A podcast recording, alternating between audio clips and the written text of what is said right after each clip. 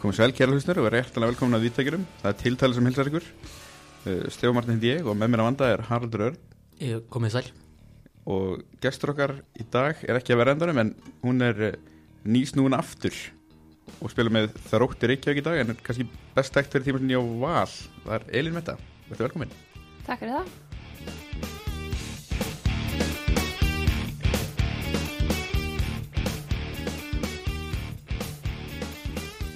Það er Killing in the Name of með Risa Gensum í sín Já, gott lag. Ég er mjög sattu, með, sattu við þið sko Já, þetta er bara svona lag sem er gott að setja á í kljánu fyrir leik.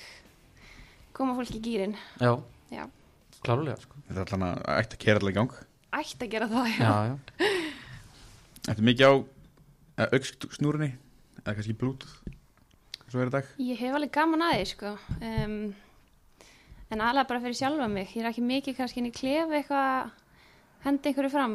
Mm. En ég hef alveg gaman að því DJ-a, sko. Já Herra, Þá byrjum við bara frá byrjun uh, fullt nafn, Elín Metta Jensen. þetta er mjög gælnafn Já, fjölskylda mín kallar mig stundum Ella, aðlega mamma og sýstu mín. Um, og svo hefur verið kallað Mettfríður, Mettan, já, held að þetta sé svona það helsta. já, alveg mett fríður Já, svolítið gott sko. já. Hérna, uh, hefur aldrei þannig verið uh, partur af myndin að vera, þú veist, eitthvað dóttir skilur við, þannig að eftir Jensen eða Já, sko, pappi minn hétt Markus og ég var bara skýrð Elimetta Jensen, en jú, kannski maður taki bara sjálfur upp Markus dóttur einhver tíma, getur alveg, alveg skeð, sko, en Mhm. þetta er bara nafnin sem ég var að gefa og ég hef ekkert haft mikla þörf fyrir að breyta því einhver til. nei. Nei Sjá, uh, aldur Ég er 28 ára, Það mun- Yes. Það mun gera 95 já, rétt Sko, ég er að ná tökum á þessu Allir að koma til í starfræðinni Takk uh, Hjúskapastaða, það er leyndamál, það er lindamál já. Ú, það er spennandi Hefur við fengið lindamál áður? Nei, ég held ekki Nei. Þannig að, Þetta er áhugavert já Þetta er ég- annarkvort Við höfum fengið hérna að það sé á byrjunastí Þannig að, hver var það aftur? Ég var það því Já, já, Ekki. einmitt Það var svona It's viðkvæmt, complicated viðkvæmt já. Complicated, já, ég mynd. Já, uh, Hvernig leggstu þið fyrsta leik í með meistarflokki?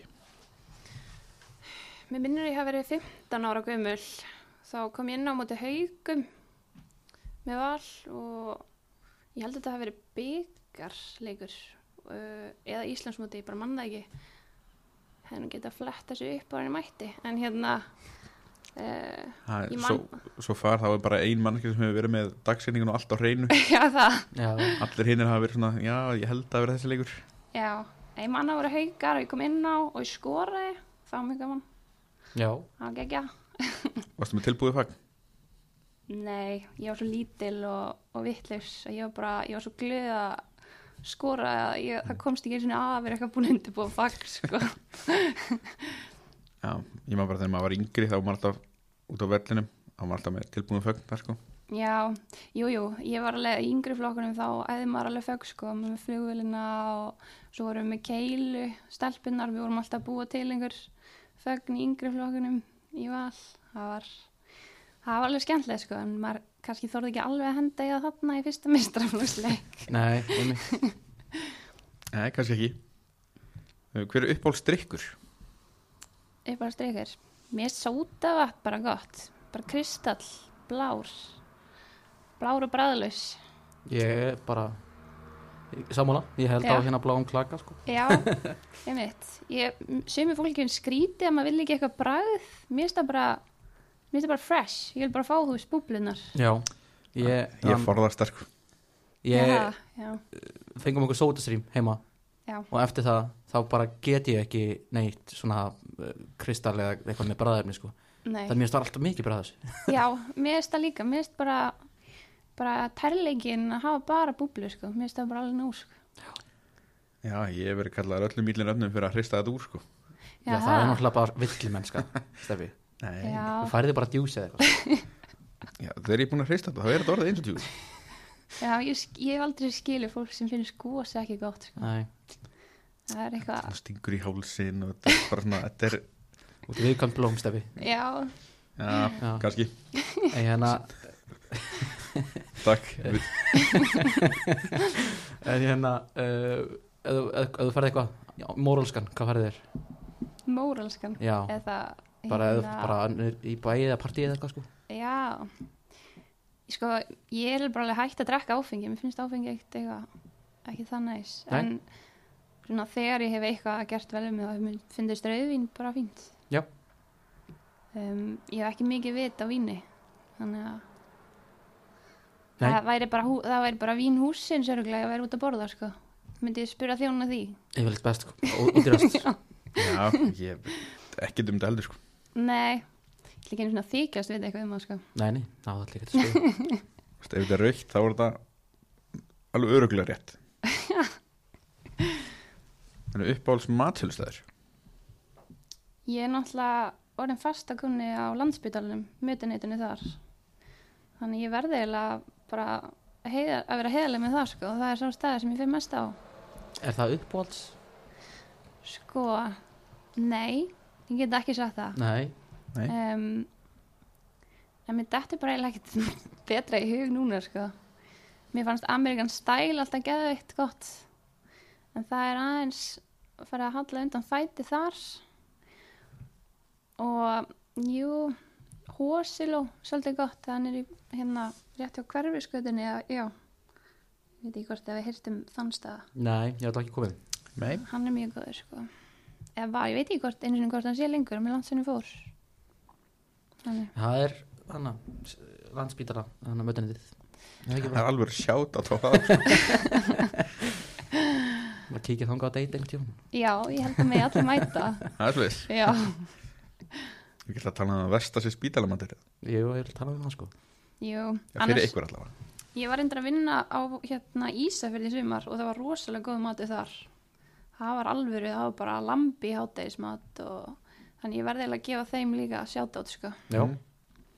var það mjög vel matrætt, Það var mjög vel matreitt og var eins færri manns að vinna þar þannig að það var svona, ég held að standardin þurfa að vera herri þegar það eru færri að, að vinna og þá getur þú nostra meira við matin sko. það meiri kærleikur Það er meiri kærleikur, algjörlega. jú, á mínu vinnustæð, það voru stundu verið lamp og ég get nú ekki sagt að ég sem ég laðandi, af því allavega, Nei. en það er bara eins og það er, Já, það er kannski ekki, ekki gaman þegar verið að fjölda framlega eitthvað lambakjöt. Nei, þetta er eitthvað svona sem að já, er ekki uh, bara fæstur að byrja minnst ábyrð segjum það bara Já, uh, Hvernig bíl áttu? Heyrðu, já, við vorum einmitt að ræða þetta en á leiðinu hingað inn í hljóðar. Sko, ég á náttúrulega ekki bíl til að byrja með. En núna er ég á bílalegu bíl og hann er hvítur og ég held þetta sé hjóndæ.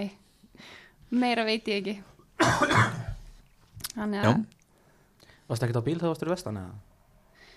Um, ég, nei, ég hef á, hef, allan var ekki á mínum bíl sko en það er hægt stundum að fá lánaðan bíl og svona, fá vaktbílinn, það var endar, það var geðvitt, það var svo hérna Toyota Hilux Já, sem fekk stundum að keira. Það er náttúrulega, það er held ég orðin drauma bílinn sko, Hælux, fá sér eitt svona Hilux pallbíl bara. Mhm. já mæli með Ég veit ekki hversu praktist það er í bænum reyndar en þú veist, út á Það- landi í óferð þá held ég að það er mjög mjög handtökt sko margir jeppakallar hérna í bæni sem spyrja ekkert að því hversu praktist þetta sé sko nei, það er þetta alveg rétt Úf. nei, nei, Hver er svona uppáhalds uh, sjómastóttur? sko um, mér alltaf finnist Office mjög skemmtlegt og og svo fannst mér White Lotus alveg frábæri þættir Mm. um, Áfis er það bandarinska eða breska? ég hort á bæði sko en bandaríska Já, ég hort meira á það sko já Ég tengi alveg það sko, það er bæðið mjög gott sko en maður er svona einhvern veginn maður getur alltaf farið tilbaka í sko. bandarinska mm já, hafið þið hort á það Já. ég fylgst með þessu Já, já, já, Hver er svona uppáhalds karakter? mér finnst náttúrulega Mike var ekki að geða þér Já, hann er getinn já, já, já. já Ég er Sammála, mikill- sko. Ég er mikill dvætmaður Já, Dwight reyndar, hvernig gæti glemt honum, sko, hann er náttúrulega líka algjörsteik, það er indislegt að fylgjast með honum. Það verður þetta breytist í Office til þannig að podcasti. Já, ég- Tölum við þetta að hverju þættir. það var til í það sko síðan. En hafið þið ekki séð White Lotus eða? um, Nei, menn ég sé plakatið Þið verðið að sjá þá þetta, sko. Ekki, það er, nei, er það nú? Nei, Það er ekki er að resort dæmi Jú, svona fólk í fríi, þú veist, á Hawaii Mm. í fyrir seríunni og svo held ég að setni serían gerist á Sikili. Nei, ég- nei, Eða- já, á jú, Ítalíu. einmitt, já, ég hef heyrt um þetta, ég hef ekki, ekki séð þetta. Þetta eru magnaði þættir, ég mæli með. um, Fylgist eitthvað með eins og þú veist, eins og umfyllanur þáttunum um fókbalta eins og þú veist, be- stúkan eða eitthvað svoleiðis Ég verði að játa að ég fylgjast rosa lítið með einhverju svona umfjöldin um íþróttir bara almennt.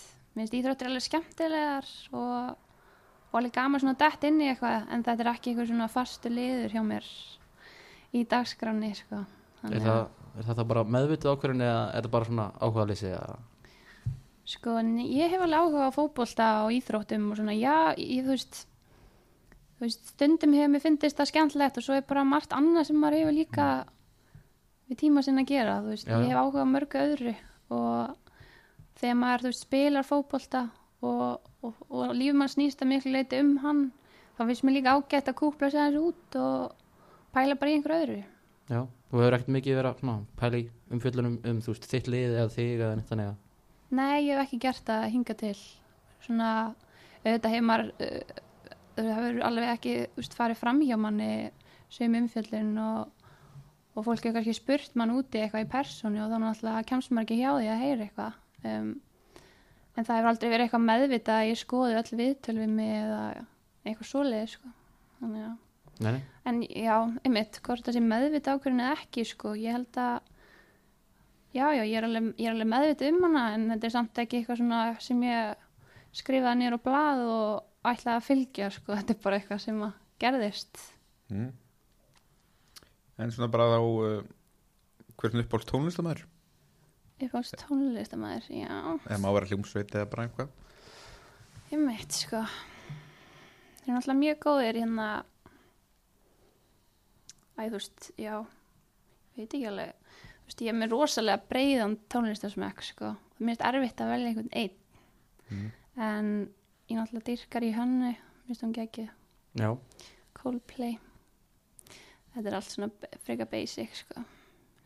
en já ég fýla Rolling Stones líka pappi hlustaði mikið á svona 60s, 70s rock tónlist sem að ég komst ekki hjá því að hlusta á Led Zeppelin og eitthvað svona einmitt, ég, þannig að, ég þarf líka pappir, einmitt þar líka, sko, þannig að, eða, Já. já Dylan og svona, Já, ég mitt, Bob Dylan, Van Morrison, þú veist, en maður fekk alveg svolítið svona gott uppeldi, en svona upp úr því er ég með svolítið bara breiðan tónlistarsmökk, sko. Mm. já, Já, ég meina, ég átti mjög unga foreldra þannig að ég er meir í Backstreet Boys og eitthvað svona listóti ég Já. er stundið það sko, já, Um mitt, og vamm og svona dóttari já, þannig að ég sitt uppi með það stundum já, það er enda líka, það er mjög gott, sko.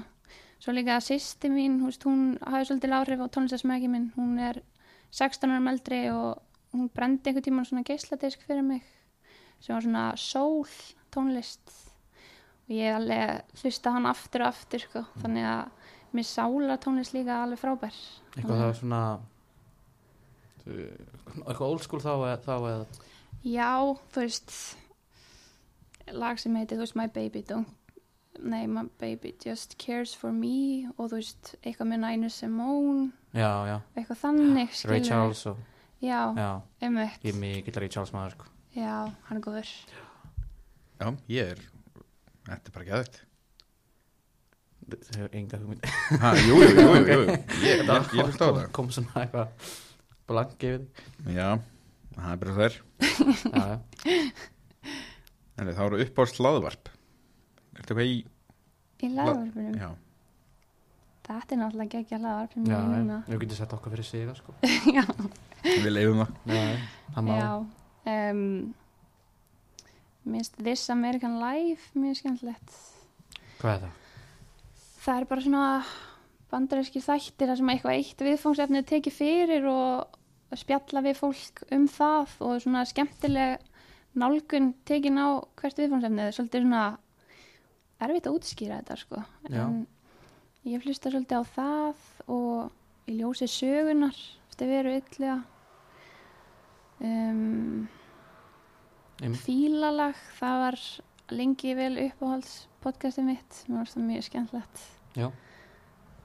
og já en eins og þú segir, kannski eh, minna í fótbollpodcastunum, ná þannig já, ég er minna í þeim Já. sko já Já.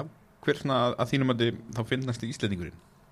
finnast í Íslendingurinn sko Bergerabbi, hann er náttúrulega í uppaldi og Ari Eldján Já. tveir, Mm. mér finnst þeir mjög skemmtilegir sko. klárlega, þessi með Íslandsdragarir þeir eru, já, þeir eru góðir sko, þeir Góðir, sko. eru náttúrulega mest ábyrrandi svona að finni gæjarnir já, á Íslandi Jakob Birgis er líka kemur sterkurinn Mm. já, já Þú út með hárinu? ég er alveg sko, ég er alltaf veit nákvæmlega hvað það er Ég held það líka. Þú ert búinn minn maður á þessu sviði. já, já, já, Um, Er eitthvað lið sem þú myndir aldrei spila með? þú veist þegar ég var lítil það hefur ekki sagt K.R. sko Ég ég ekki staðast að það var á, við skoðum sérst, gömlu hindliðin hjá þér, þú varst með gáar þar.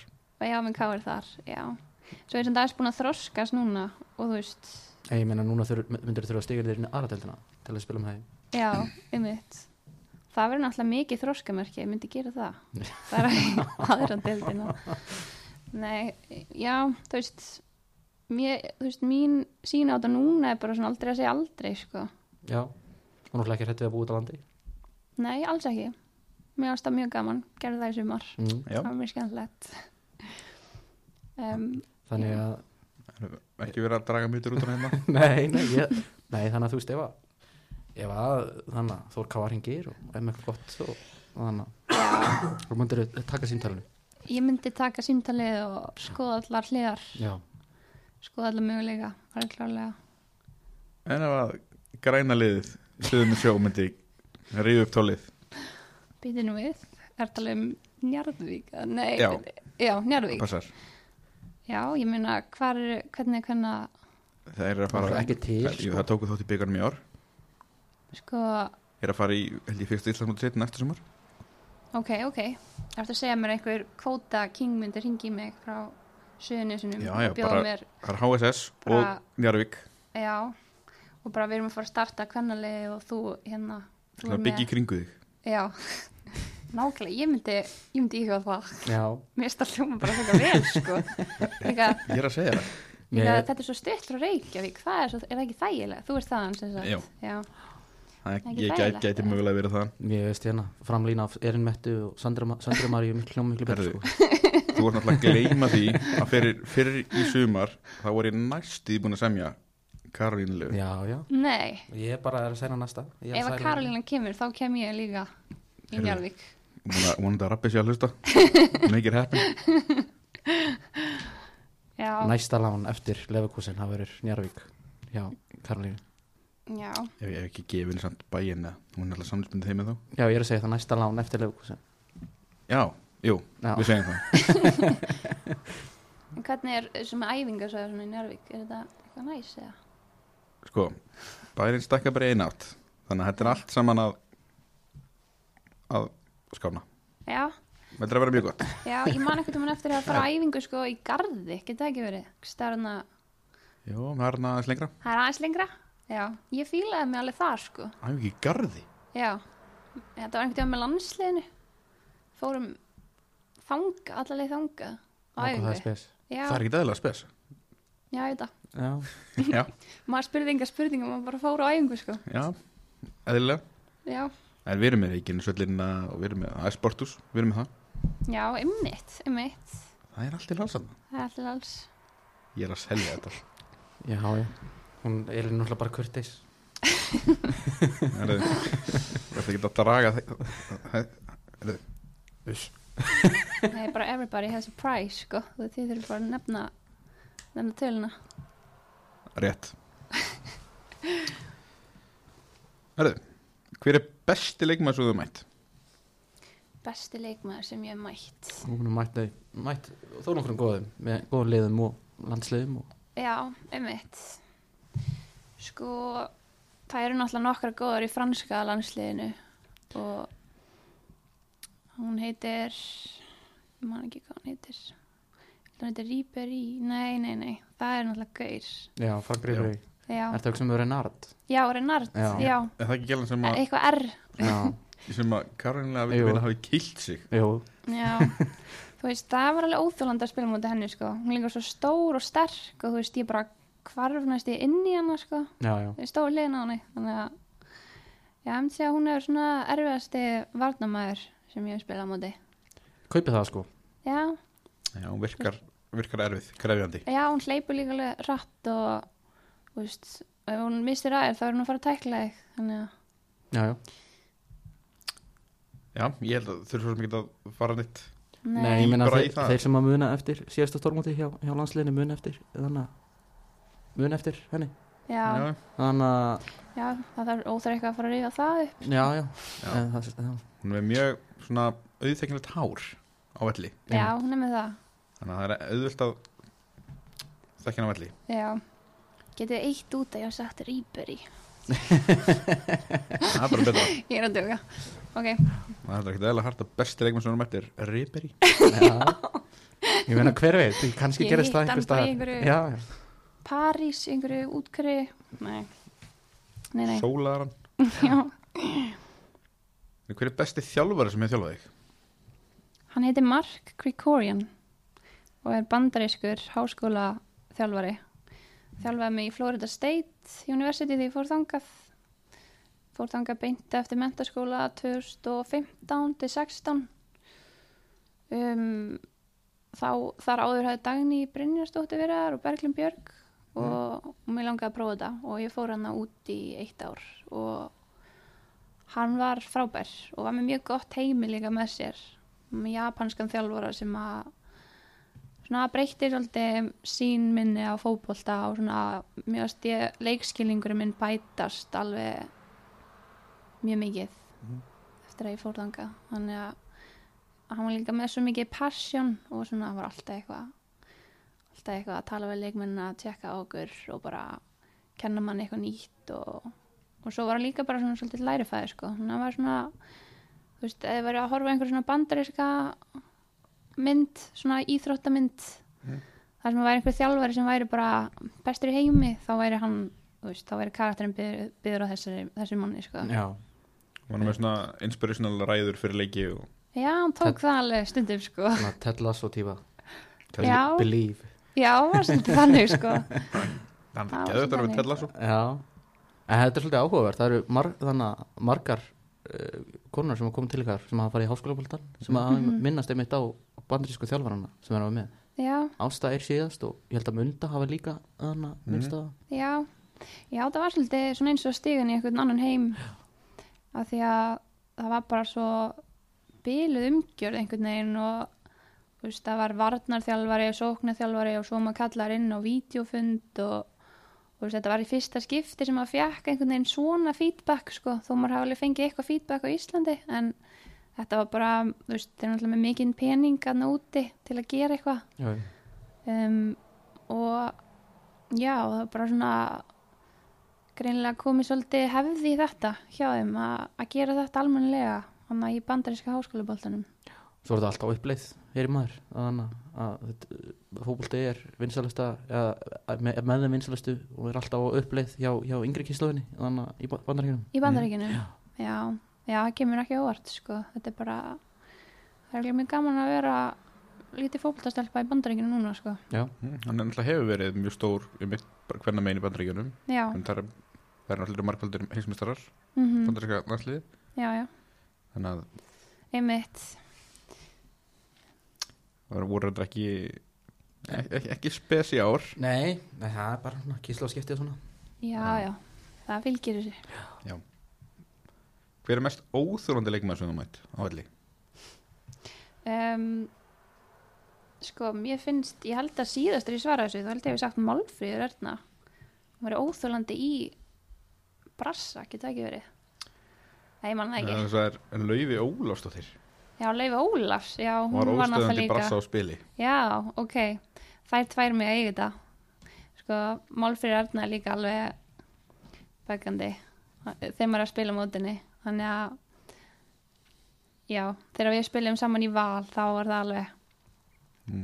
það var krefjandi sko. já, og Laufey náttúrulega, hún var magnaði leikmaður sem að heiður að spila með þannig það er bara fínt að þær tvær fái þetta sko bara á myndi góðu, þær eru báðar bara fínu vingunum mínar þannig að Mm. Hvað er svona mest bara svona óþáldið sem þú lendir í út- á velli? mest óþjólandi Já, þú veist, er það þegar að vera að þú veist klípa eitthvað í þig eða stíga á þig eða þú veist, að það er eitthvað sem er bara töðandi eiraður allan tíman, tíman eða Ég ætla ekki að fara að segja það hér er ekki, Bara ég gefa einhverju fæddi í gær, Já Nei Það er ekki leðilegt þegar fólk er bara að segja eitthvað það þarf ekki að vera við mig en bara að segja eitthvað svona alveg absúrt hluti við fólk Þú veist Já, þú veist, mér finnst bara leðilegt þegar fólk er eitthvað mín sko en, en það tekur mann ekkit út af læginu og þú veist, jú, jú einhverju, þú veist, það er náttúrulega ekki gaman ef eitthvað tóður í hára á manni, ég lendi einhver tíman í því, þú veist Mm. það var full gróft, sko já, en hérna, já, já ég fyrir ekki að gefa upp hvað þeim mest í töðunar á mér en það er leifilegt í anska boltanum að tóa í hár, Aha, já, já Já, við erum með það bara betri ég, er, enn- ég gleymi því ekki, ég hætti ekki að tala um það það var hérna reyfið í hárið á kukureja á þannig, oh my god, ok ég, og það var bara ég ekkert dæmt á það. náttúrulega lifi í helli þannig ég vissi það ekki en hérna, já, ég nei, nei, þú veist, þetta var náttúrulega bara Vídeó, það var vídeodóm, domgjuslega allt Já, Það var bara, það var já, bara allt í góðu ok úf, það var já, rétt hann er líka með svona mikið og krullað hár sko. já vá, það er ótrúlegt og líka bara með vídeo og allt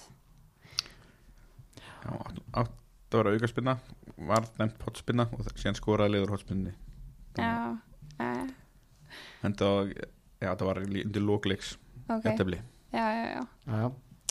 það var rétt já. það er reitt þið kannski sýnum með myndbanda og svo eftir eða eitthvað já, við munum eftir því.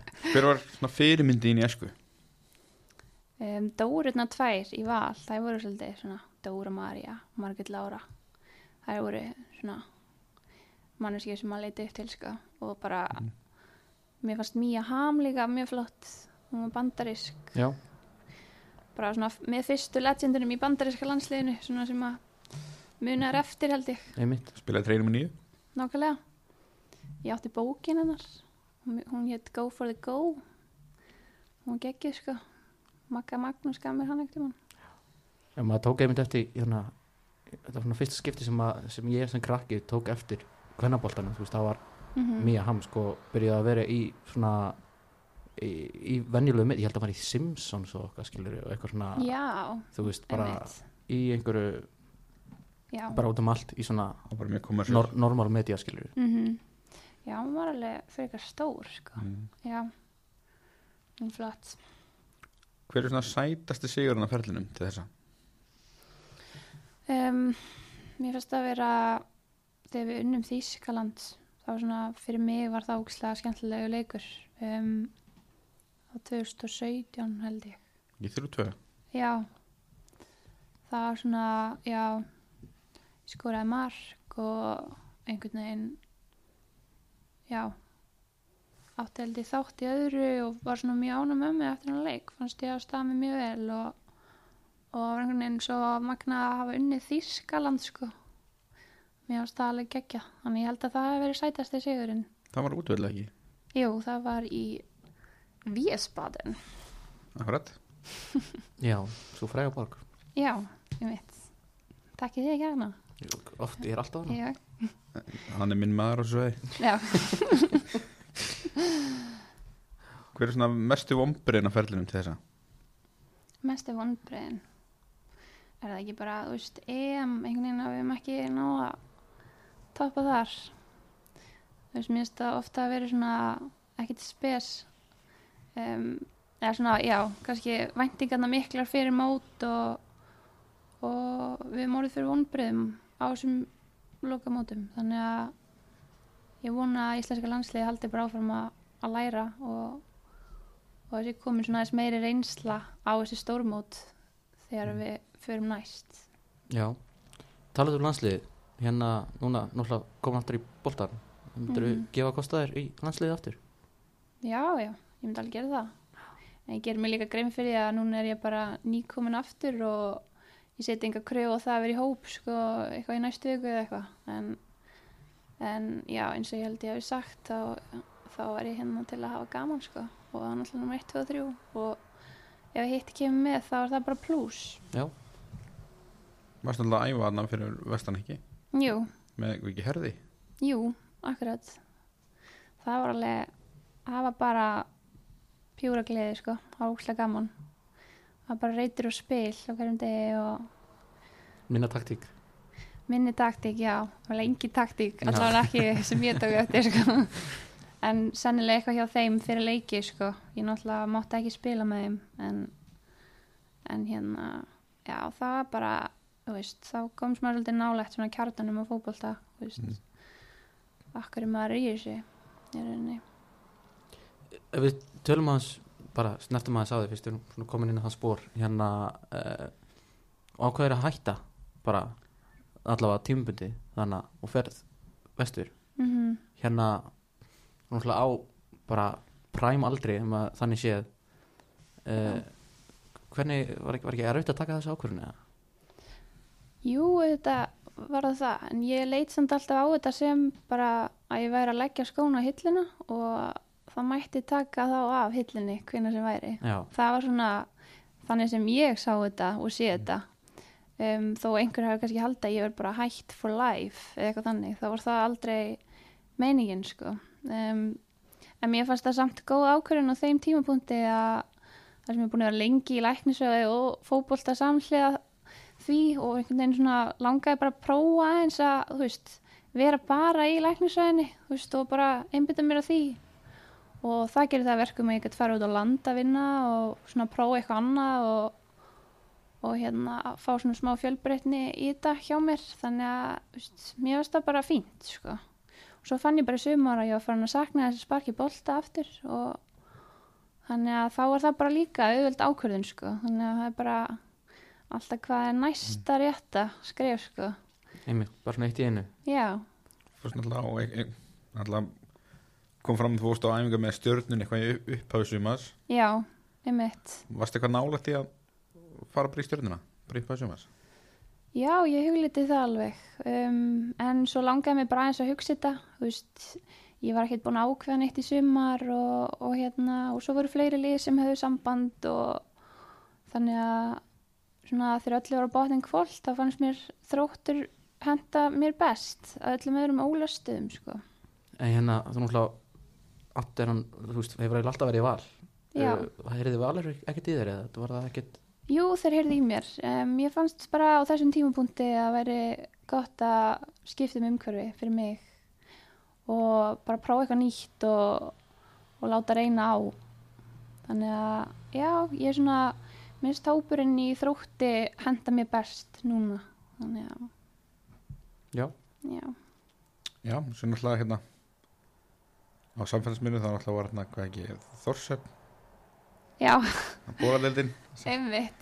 þeir höfðu mjög Já. gaman að því, þeir náttúrulega já, sænuði og settu sín agabann fyrir aðeins með stjörnunni og Já, einmitt. það var mjög gaman að fylgjast með því Já, það var náttúrulega það var ótrúlegt ótrúlega atbyrður sem leytið til þess að ég skrifaði undir hjá þeim Já, en Já, Það ég, er ég, bara- ég, ég, ég hugsa, um, mætt- máttu samt ekki spila fyrir þær eða hann hvað, nei þegar þú var átt leiki í efstild þarna ára ég held að þurfa að vera, e- e- meir ekki spila leiki í efstild, held ég heilt ára ára meir færi Já, bólaðin ok Þú veist að segja mér fréttir sko Það er gott að maður reyndi það ekki.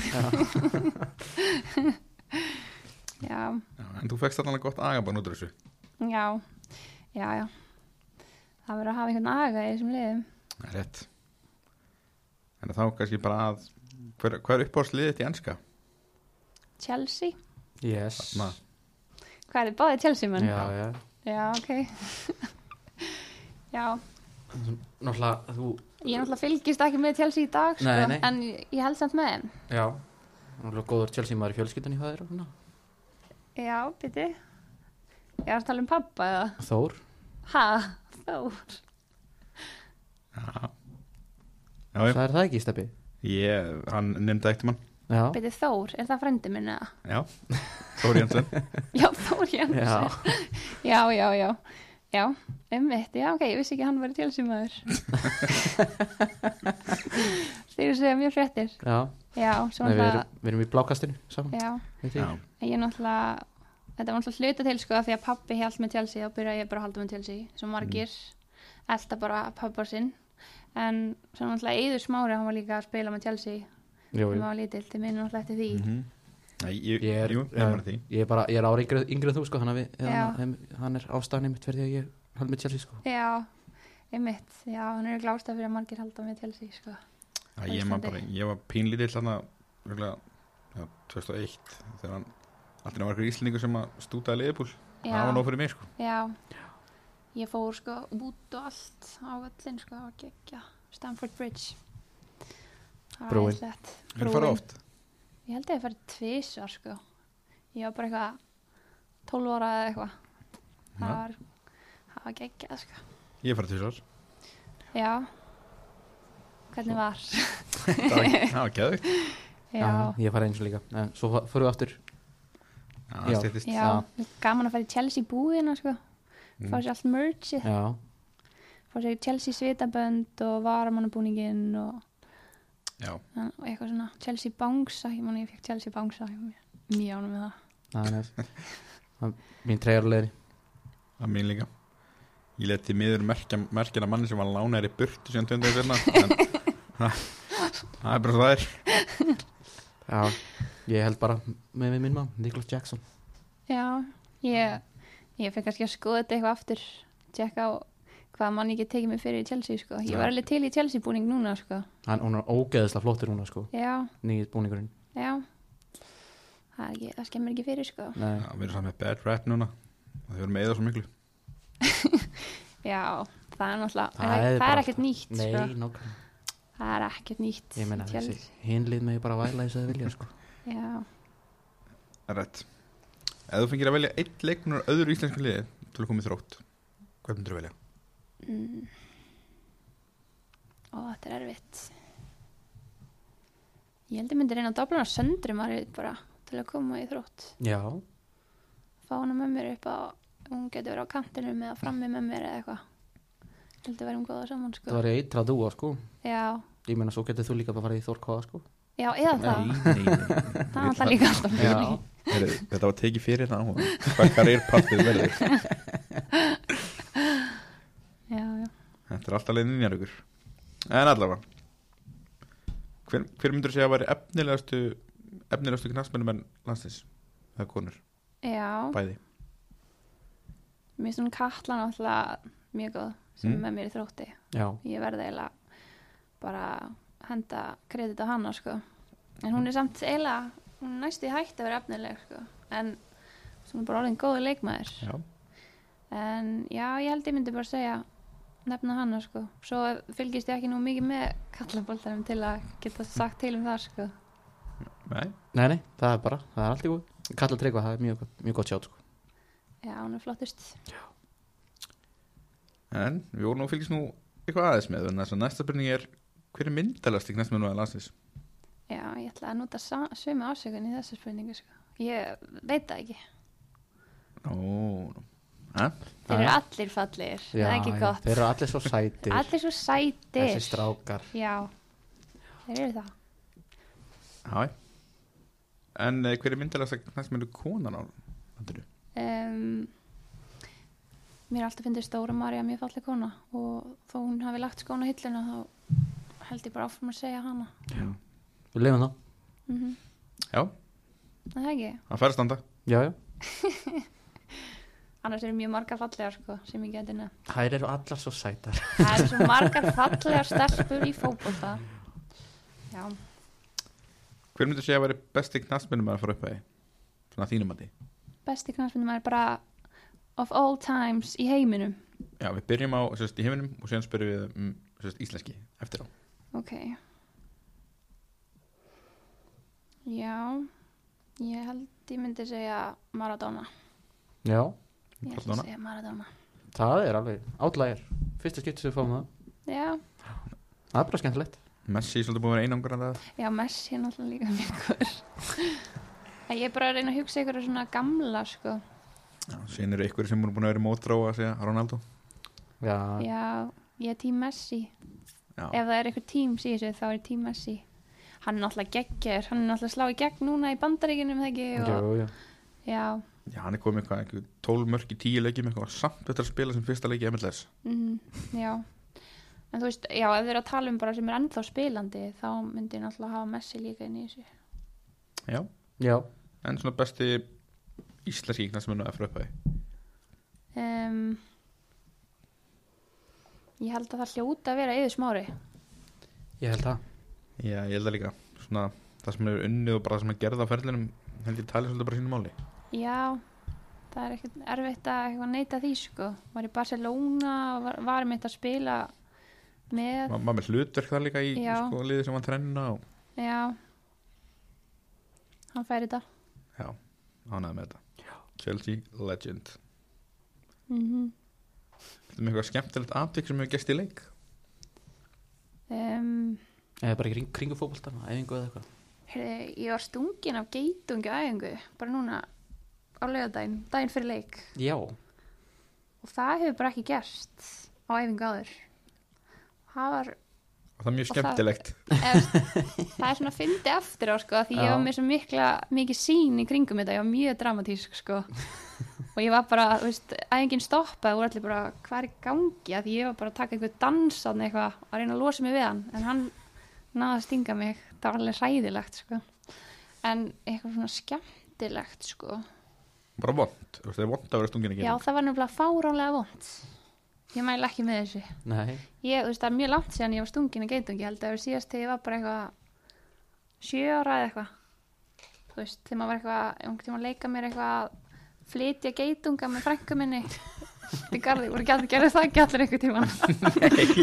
ég, ég get ekki sagt það sko Ég veit ekki hvað við vorum að pæla, sko. En allavega þá er ég stungin, það, og hérna, Það er það var ekki skrítið. sérstaklega eitthvað. Já, það er mjög skrítið. Já. Ég veit ekki okkur við vorum að þessu. áskuldur að vera stungir þegar þú ert að færa ekki Já, og það, Ah. já, það er mjög, það, enginlega kemur á hegðun óvart. hjá geitungum. já Hvað, það þurfa að banki við núna af því að ég hef aldrei verið stungin að geitum Ekki. Ég hef verið stungið sko, en það var líka þegar ég var krakki Já. Ég manns að ekkert hvernig það gerist En þú veist, já, ég er bara með svo mikið gullfiska minni, ég man ekkert svona, man ekkert, jú, það var enda mjög gott, hérna, ég man það núna, hérna, þá vorum við í svona leik þar sem að við settum svona ro- skott, þú veist, svona skottaeltingaleik Já, og hérna, Hallbera Guðni Gíslidóttir ákvæðs að setja að festa skottið við gestrengin sem hún var í og Gunni Borgþórs þjálfari af öllum var með í leiknum og náði að rýfa af henni skottið og hann reyfnar frisin á mig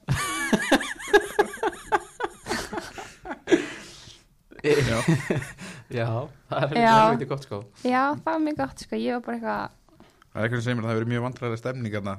já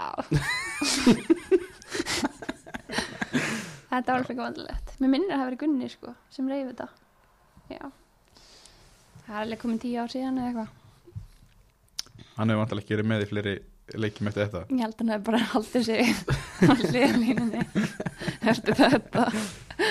Já, Uh, já, Hverjum dettur í hugast að að festa þetta við Þú veist, þetta er náttúrulega- þetta er náttúrulega Það er sko, bara þetta er góð típist hugmynd fyrir Benny. það Já. það pælir ekkert í að, þú veist, hvað getur gæst þetta er bara svona að það næri, næri svo ekki að þér Nei, nema einmitt. ef ykkur næri svo að þér þá er þá er svolítið mikið meira sem kemur með Já, ah, já, þannig að þú veist, ég skil pælinguna þá til að hugsa hann aðeins lengra já Einmitt hver, Já, er, hver er hérna hver er mestu höstliðin í liðinu? já. Nú er ég náttúrulega bara nýkomin í þrótt, sko. Já, Og hef kannski ekki fengið að sjá þú ert fólk eftir að, in fa action, sko. eftir að fara á mólaskan Já, ég er eftir að fara í liðsparti og eftir að fara á lokahófið og svona. Já, Þannig að, er einhver þá í þannig á göm- gömlu liðsfélunni í val um, Það er með góða rispur já, sem er svona flörti, sko. Mm. það voru allt svo eitthvað sakleysar konur sem áttu bara sína fjölskyldu og Já, það er allir hardgiftir í svona leik sko núna já hann er meður, ég er bara ekki með neitt nafn fyrir ykkur Já, Steppi hún sendir er þannig að þú þannig að þegar hún kemst að því já. Takk, Ertu, er það að leita einhverjum nöfnum eða? herðu þá, þá fyrir okkar mann hérna hinum mig Það henda, henda steppindur út en aðeins Heyrðu, Ekki svona Hver er uppból staðar á Íslandi? Um, eftir sumarið þá segi ég bara vestfyrði sko. Já, Mér finnst það ekki þér. Mjög fallegt þar og mm, falleg fjöllin. Nú Frekar, þú veist, þeir haldi einhvern veginn utan um hann. Það er mjög fyndið að vera eins og Ísafyrði og svona rosalega há fjöllin, Mm. Hmm? svona gnæfa yfir bænum. Og sem finnst það yfirþyrmandi, en mér fannst það bara næs, sko. Bólunga líka, líka mjög fallegur staður. já Nei, ég- þannig að tengjum við þetta, mér veist einmitt þannig að mér veist alltaf svo gaman að koma á sigluferð Það er svona, Já, rísa svona fjall einmitt einmitt, Siglufjörður er líka mjög fallegt, fallegt place. Sko ég er bara kert þangað En ég hef heyrt frá mörg sem að einmitt fljú á Ísafjörð Já, Þið finnst það mjög svona svona ókveikjandi einmitt það er komanda fyrir fjöllin og Já, og bara er bara eitthvað tveimur sentimetrum frá fjallsliðinni á Já. leiðinni, já það er alveg frekar scary, ég tók ég mitt flugið og hérna, ég get alveg staðist það, alveg frekar óþægilegt Já. og mjög óþægilegri flug, flugferðum sem ég hef farið í, sko Eh, þú kemur náttúrulega nýkomin í þrótt já, Var Olla farin áður en þú komst? já, því miður, sko, ég mista henni Þú mistir af umræðanum um eh, Nei, sæbrutina um hvað, um og við, fallegast Olla- Olla Sigga var hérna eina af fyrsta konunum sem kom, að- kom til okkar já, já, og hérna, alveg frábæra viðmandi og indisleg kona en í alla staði já, hún er það ég þekki henni náttúrulega Þannig mjög að- vel og alveg svona já, hún náttúrulega er komin alveg upp í koka á okkur af því við hættum ekki að minnast á það þannig að hún sagði að uh, uppáhalds uh, þa- staðurinn hennar á landinu væri sæbröðin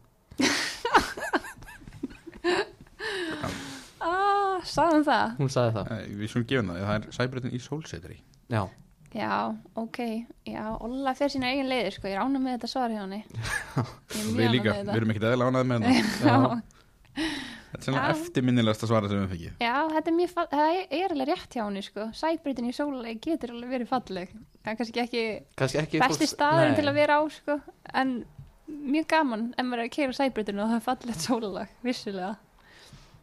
Við ætlum að, þetta er- þetta er líka okkar næstu uppbólstaður já, eh, já ég, ég, ég, ég vil segja þetta er mitt uppáhalds svar frekar Það er mjög gott svar Við sko. þur- við þurfum að byrja að draga eitthvað tilbaka sko. já, ég, Vin- vinna hann tilbaka sko. sérstaklega þú stefið, þú minnist alltaf á þetta Þetta er næstu uppbólstaðurinn minn og eftir njarvík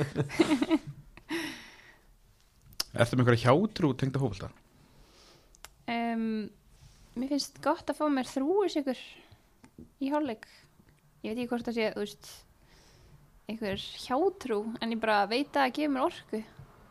Fólki finnst það stundum skríti að ég gera að ég fæ mér stundum svolítið mikið, en annars er ég ekki með mi- mikið, mikla hjátrú, sko. nei já, þrúsigurinn er sterkur Já, þetta er náttúrulega bara, þetta er svona skam, skjót orka, mm. maður er fljótur að taka hann upp og það er það sem maður þarf í Já. hindalegsin, sko.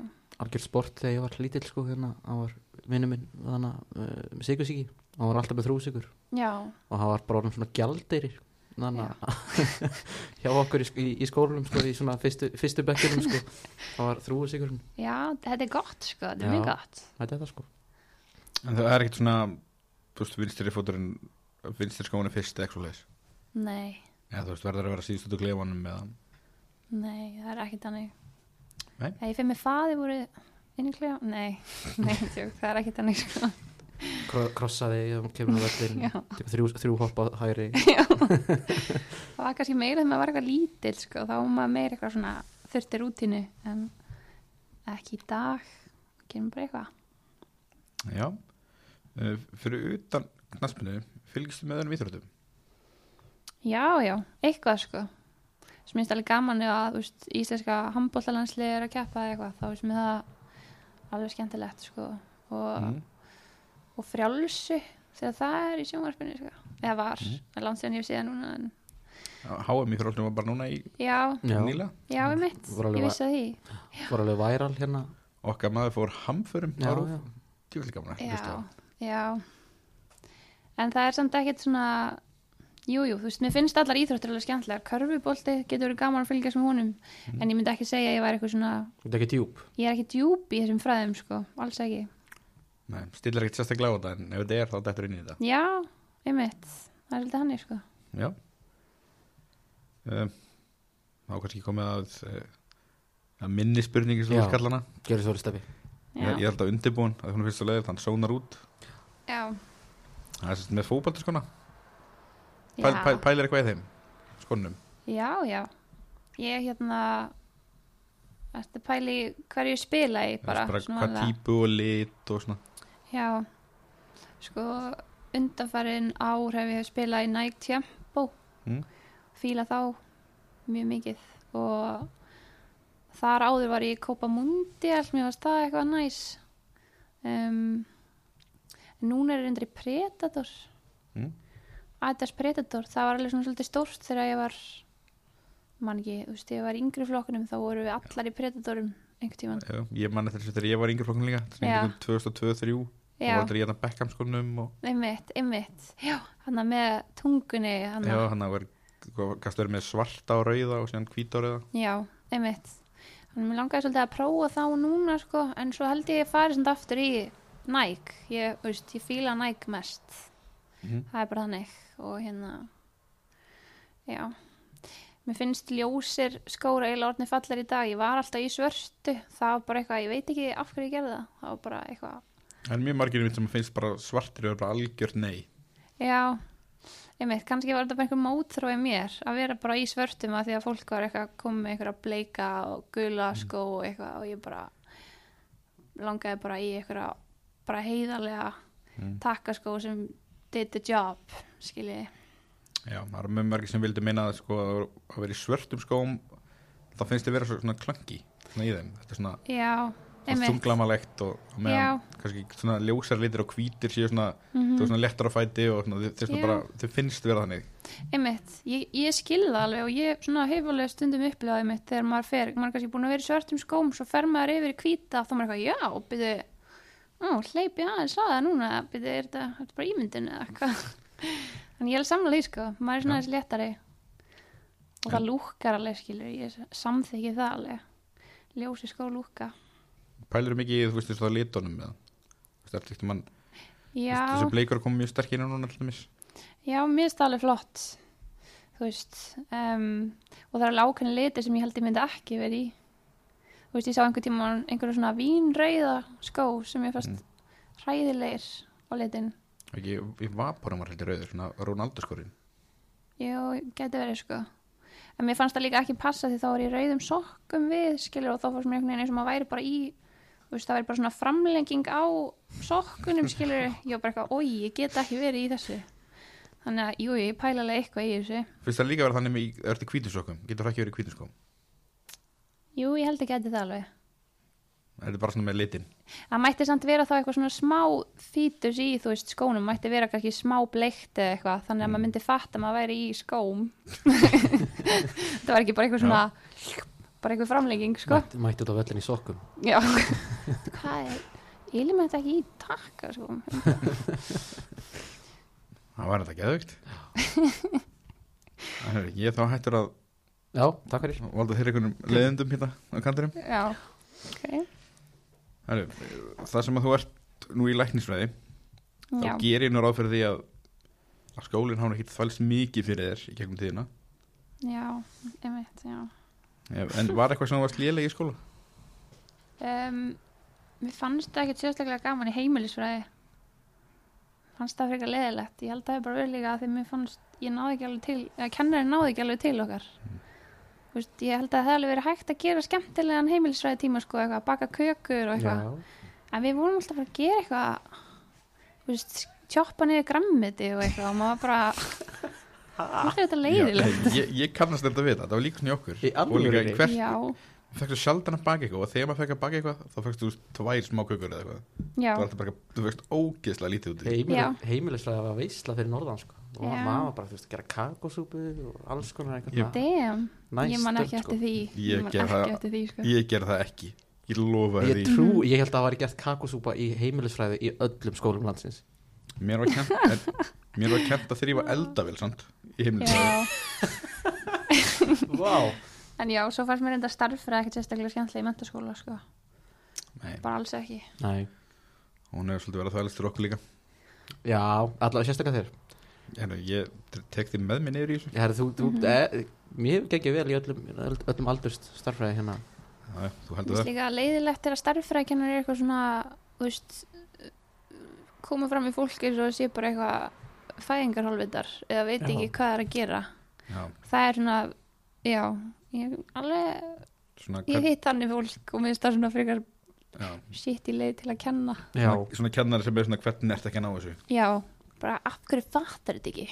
Bara, Í staðan fyrir að sína, bara kendi þetta betur. í staðan fyrir að, Já. þú- já, ekki að kenna menn og sína hvernig þú gerir þetta. Í Já, staðan fyrir að vera, já, einmitt. Ah, pyrra sig við því af hverju ert ekki að ná þessu. Já, þú veist, ég hef látt kennar sem að, þú veist, actually bara breyttu svona, þú veist, eins og starffræðikennar minn í grunnskóla var indislegur. Þá, þá var gaman í, grunn- í starffræðinni. Um, og jú, jú, svo voru alveg einhverju fínir líka í mentaskólanum, en, en já, Ég er með Æ, akkur heldur. döfitt. Mér Já. finnst þér, sko, hræðilegir í grunnskóla, sem var þetta miklu betri í framhanskóla. já það, já, þetta er svona, en þú ert í, er, ertu búin með læknisfræðina, er mikið eftir eða uh, ég á eitt og hálft ára eftir núna. Ertu, hann er kandidat. Nei, ég er á fymta ári og er að klára það. Já. En ég er núna á, búin að vera inn á geðdelt að stúdira það. Já, Mhm. Það er bara, það er mjög áhugavert. er þetta ekki búið að vera hluta, svolítið eins og þú segir, um, svona tekur pásu, intensa þannig að vera, þú veist, í svona, þú veist, læknisfræðina alltaf mikið nám og og þannig Já. að fótbolta með Jú, það er það og þetta hefur oft sko, þú veist, já, verið svolítið svona púsl og erfitt að, erfitt að púsla sér saman og þú veist, maður þurfti ofta að sitja svolítið við, sérstaklega á fyrstu árunum, þá var svona mikið bóklegt nám og margir fyrirlestur og bara mikið efni til prófs og svona og þá þurfti maður bara að læra stöðut en mér finnst þetta að hafa svona skánað með árunum sko, þú veist, núna er maður, ég er meira í verklegu námi núna til dæmis Þannig það er svona skemmtilegra, myndi ég segja. Já, Ertu búin að svona ákveða hvernig læknir þú vilt vera? Nei, um, en mér finnst sko, það eru nokkra deildi sem mér hafa fundist svona skemmtilega en aðrar Mm. uh, og það er allt svona liflækningatengt, sem sagt ekki skurð. Þú veist, ég var ekkert eitthvað, mér fannst skurð alveg fínt, en mér fannst liflæknisvæðin miklu meira spennandi. En það er eins og giktardeildin og blóðdeildin og, og svo er ég núna á, á ég sem sagt, ég verknum ég á geðdeildinni og mér finnst það líka mjög spennandi. Þannig að ég er náttúrulega, ég er ekki búin að ákveða neitt sko en já þetta er svona það helsta núna sem ég finnst Mm. spennandi, Ég, mun bara, ég þekki eitt sem að hérna fór í gerna læknisnámið já, og uh, hann fór sko í, hann var mjög lengi ákvað hvað hann ætlaði að vera. Eða, sko, hvernig læknir hann ætlaði að vera í. mm Og síðan var hann eitthvað pæli, svo saðan eitthvað með okkur að hann var að pæli, þú veist, að fara í svona auglækningar mm, og það var eitt sem að hérna, eitt félag okkur, hann held, hann held ángurins að þetta væri bara eitthvað tveggja vegna námskeið. hann ætlaði ekki að þrúa allt Já. þetta nám fyrir auglækning. já þetta lítur svo alveg frekar einfalt út náttúrulega þegar fólk fyrir leiklegnis þetta er bara eitthvað, Já. mæli, eitthvað mæligræði á sjónpró og eitthvað og svo ertu bara búinn sko þannig að Já, já, þetta er ákveðin miskilíkur Já, hún fannst að vera full mikil sóun á námi að fara í upplækni já, En það er aðeins lengra en þú er, Það er já, hefur ekkert unnið með þessu eða bara tekið nám- námslán eða uh, já, sem náttúrulega verið í fótboltana með og Já, þú veist, Nei, en fengið. einhver svona auka Jú, þú veist, ég hef, jú, ég vann uh, upp á spítala lengi vel Já, og, og svo hef ég verið um, aðeins að vinna í farmersmarkett, í búðarstarfi. já, Það var mjög skemmtilegt, sko. Taka vaktir þar, gera eitthvað svona allt annað. einmitt Þannig að, já, en annars hef ég verið bara svolítið mikið í fótboltanum og, og já, tók ég mitt núna fyrsta sömari þar sem ég er svona almennilega að vinna sem lækna nemi. Þannig að það var mjög gaman líka. Já, varstu eitthvað að þjálfa svona þegar þú varst í val Já, svo náttúrulega þjálfaði ég, það glemdi því, já. Ég var til dæmis að þjálfa köllu sem er núna að spila með mér. einmitt Mm. hún var í sjötta flokki og ég var að þjálfa hana það var úkslega gaman hún og, og fleiri fleiri góðar í val þannig já, ég var alveg þjálfað eitthvað svona á til sko Nó að gera Var það eitthvað svona sem sást fyrir þér að gæti kannski leikir eitthvað með í senda með líka? Bara farið, farið til þjálfun? já, já, ég er ekki búin að útiloka það sko mér varst alveg skemmtilegt en já, ég held að það sé að geta alveg verið mjög skemmtilegt að vera þjálfari sko Mm. um, og er mjög gefandi að vera yngri flokka þjálfari um, en já, ég held að fólk samt læggi mikið á sig sem eru þjálfarar sko. Ég held Mér er alltaf að heyra eitthvað svona hryllingsögur um fóreldrana í yngurflokkunum. já, Alltaf þeir sé ekki svona, svona það mest krefjandi við yngurflokkastar.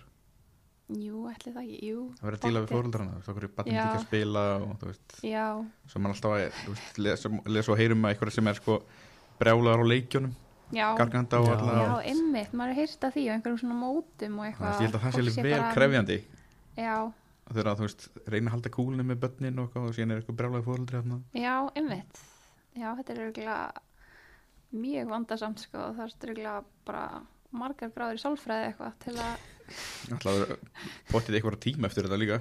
Já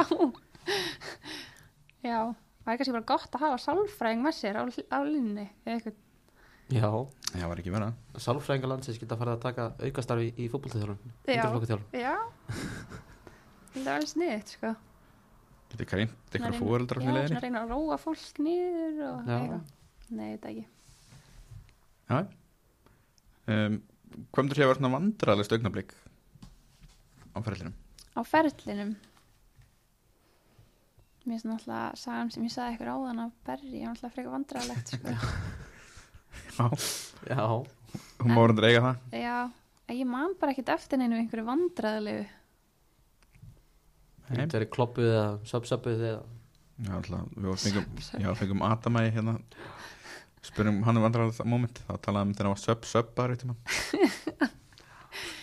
Nei, ég man ekki eftir því sko að jú, ég maður alltaf verið kloppaður um, mér er samt það eiginlega hægt að vera vandræðalegt sko. Já, Ekki, ég maður ekki alltaf svona, svona sóknarþengjandi í leikmunum aðeins meiri slaka með það. eða? jú, kannski Jú, er það ekki Þetta er vandrarlega Já. þegar þú ert bara einhver hafsend. Já, Já. þetta aftasti maður eða eitthvað Já, Já, en þú veist já, mér er náttúrulega vandræðalegt hvernig ég sko ég var náttúrulega með síns á æfingu á laugadaginn út af þessum geitungi en það var samt geitungur að stinga mig skilur en eftir það var ég bara óh, vá, sem mikil drama queen það er svona sennilega margi sem að, sem að tengja við að einhver geitungar ráðast á því að maður paniki, Já. já Já, já, I've been já, there, ég, já, ég skil ykkur þeir sem eru að núti skil ykkur, það hefur komið fyrir á allavega ofta á mínu vinnustaf Já.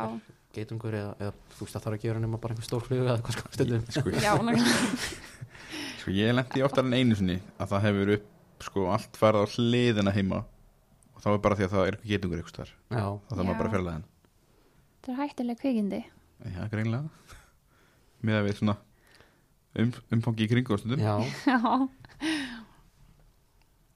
uh, Hvað þrjá leikminn tækir með þér á eigðeyju já og hvernig myndir þú stratta þetta? Mynd- Myndir þú allir fá sér eitthvað svona sér hlutverk að gera á eiginu eða? já, sko, ég myndi taka Ingun Haralds sem er mér í þrótti Mm.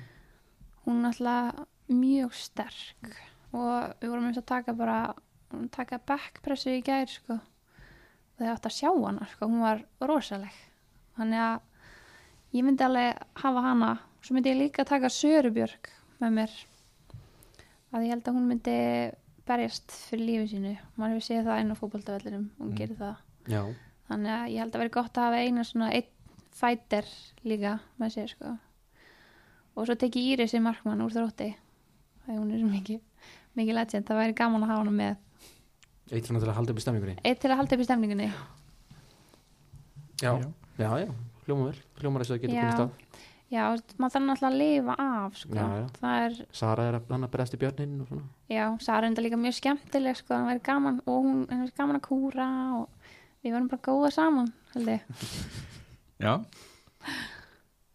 Þetta með eitthvað að styrla staðurindum um þig styrlaða staðrend Ó, mér finnst þetta svo erfið spurning. Sturlu staðrönd. Um, Við mátt bara að það spurt Getur þú leist Rubik's Cube? já, ég hef gert það. Já, Ég hef gert það Ég hef gert það. Afskaplega fáur sem hefur- það er bara allir En gert það það. var- engin En það var, þú veist, já, það var ákveðin tækni sem ég lærði til að gera það og svona svindl aðferð, sko. Við vorum aðeins einhver tíman í mentaskólum, Er eitthvað superlúðalegt. Er þetta svindl í Rubik's Cube?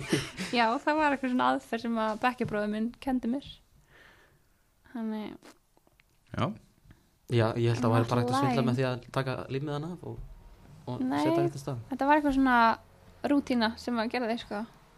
Og þá komst maður alltaf frekar nálætti og þá var eftirleikurinn auðveldur, sko. Já, Já. Það Ég, var sem ég er samt ekki að segja að ég geti gert í dag. nei Það voru, það voru sett viltar stundir hana í, í framhaldsskóla Já, það var aðeins verið svindla með að... Rubik's Cube Ó, Þú var sem sett eitt að svölu krakkunum já.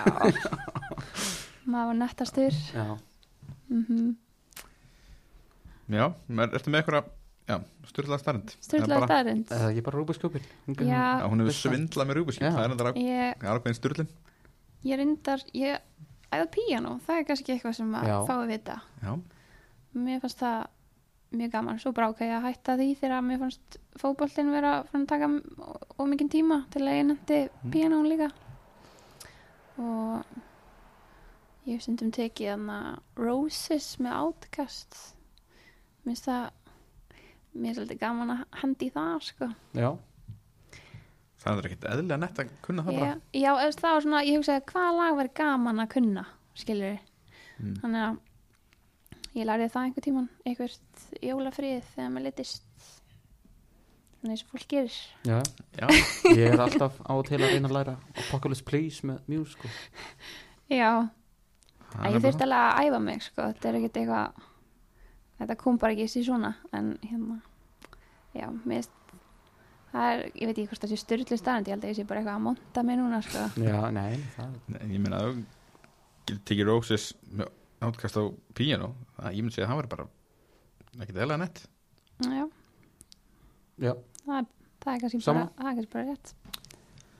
Þannig við sjáum kannski eitt um hann myndband þegar þetta er komið til Íslands, en það svona þegar það er sæna nýja leikmenn, Já. svona kynningamyndband, þannig þú á piano og neitt að svona kynna þetta leiks. það var í klikka Það væri geðveikt, það er góð hugmynd, Er, sko. nei, er eitthvað lið með, það er ekkert lið með Rós í merkinu. Jú, er ekki, ekki, ekki á Íslandi, en Nei. er ekki, Nei En það er alltaf möguleiki fyrir Blackburn. Mm, Já, vá, stefnan er sett þangað. já, En kannski eitthvað liðið þýskudeldinu, er ekki eitthvað liðið þýskudeldinu með eitthvað blóm eða eitthvað. Nei, en ég get svo sem alltaf rættur upp og tróðin einhverju blómi í Njarvík. hvað heitir hérna Grauta Fúrð Þeir eru með hana smára já, næstu Nei, bær við. En þá getur alveg svona bara smárin í kópaði. Já, já, já, já, ég var bara að hugsa Ég var bara að reyna að hugsa, sko, þú veist já, En, ég, en þú veist, ert að, ert að sjá þetta trend hérna með fókbalta menn og tónlist Næsta lag, Herðu, næsti stóri fókbalta tónlistamæðurinn Það er Þú ert að fara- við þurfum að koma því í gang. Þú og já, sign me up, PPT. Já, þú, þannig, Nadia Atla Nei, byrja, Þið ég verið- seti rétt, PPT PPT, Já, hver er PPT. það?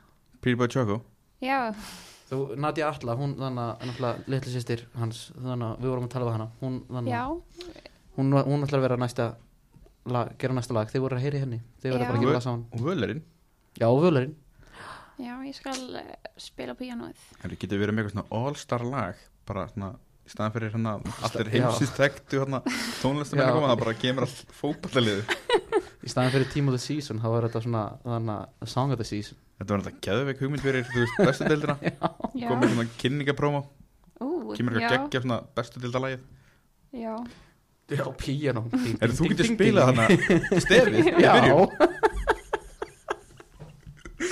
ok, ég er ekki svona góð en jú, ég geti reynda.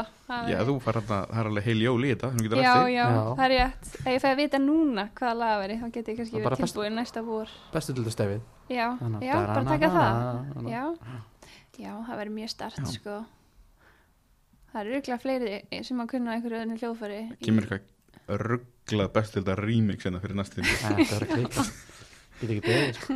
ég get ekki beðið Eh, Hvað sameri hefur komið mest á óvart eftir að þú kynst henni og af hverju? Já Sko, Katla Ég náttúrulega þekkt hana bara frá því hún var lítil og var að þjálfa hana þegar hún var lítil um, En mér er svolítið, svolítið svona tökkur í henni sko, ég fíla hvað hún er ákveðin og svona stendur á sínu minnst það mjög flott svona, og svona svo ungu leikmaður hún er bara, þú veist hvað er hún 18 ára eða eitthvað, Já ekki Jó. Hún er, ég held það hún er alltaf með yngri leikmunum dildarinnar Já, en hún er ótrúlegur karakter sko, þannig að það komið svolítið á óvart þegar ég komið þrótt, ég átti ekki alveg búin að hún væri orðin svona stór sko Já, Já Engin svona sem að þú helst að væri kannski svona kannski hundlega svona erfið erfið, erfiðu karakter sem að enda Já. sinna að vera bara algjört ljúlamp Jú sko, við Sól erum náttúrulega búin að ná mjög vel saman eftir að ég komið þrótt og við eldum alveg grátt silfur inn á vellinum Mm. áður en að ég kynntist henni, við vorum alveg svona, þú veist, við vorum alveg tvo í hára og grannari og eitthvað og hérna, þannig að það var mjög gaman að þú veist, sjá hinasliðin á henni og Mm. og, og, hérna, og við kannski tengjum meira en við svona hjaldum þú veist, eða ég allavega upplifði það að maður svona tengi meira við hann við erum kannski bara með svipa skap sko, að þeir vorum alltaf eitthvað að naggast í hver annari inn á vellinum svona eins og maður gerir mm. Þannig, já.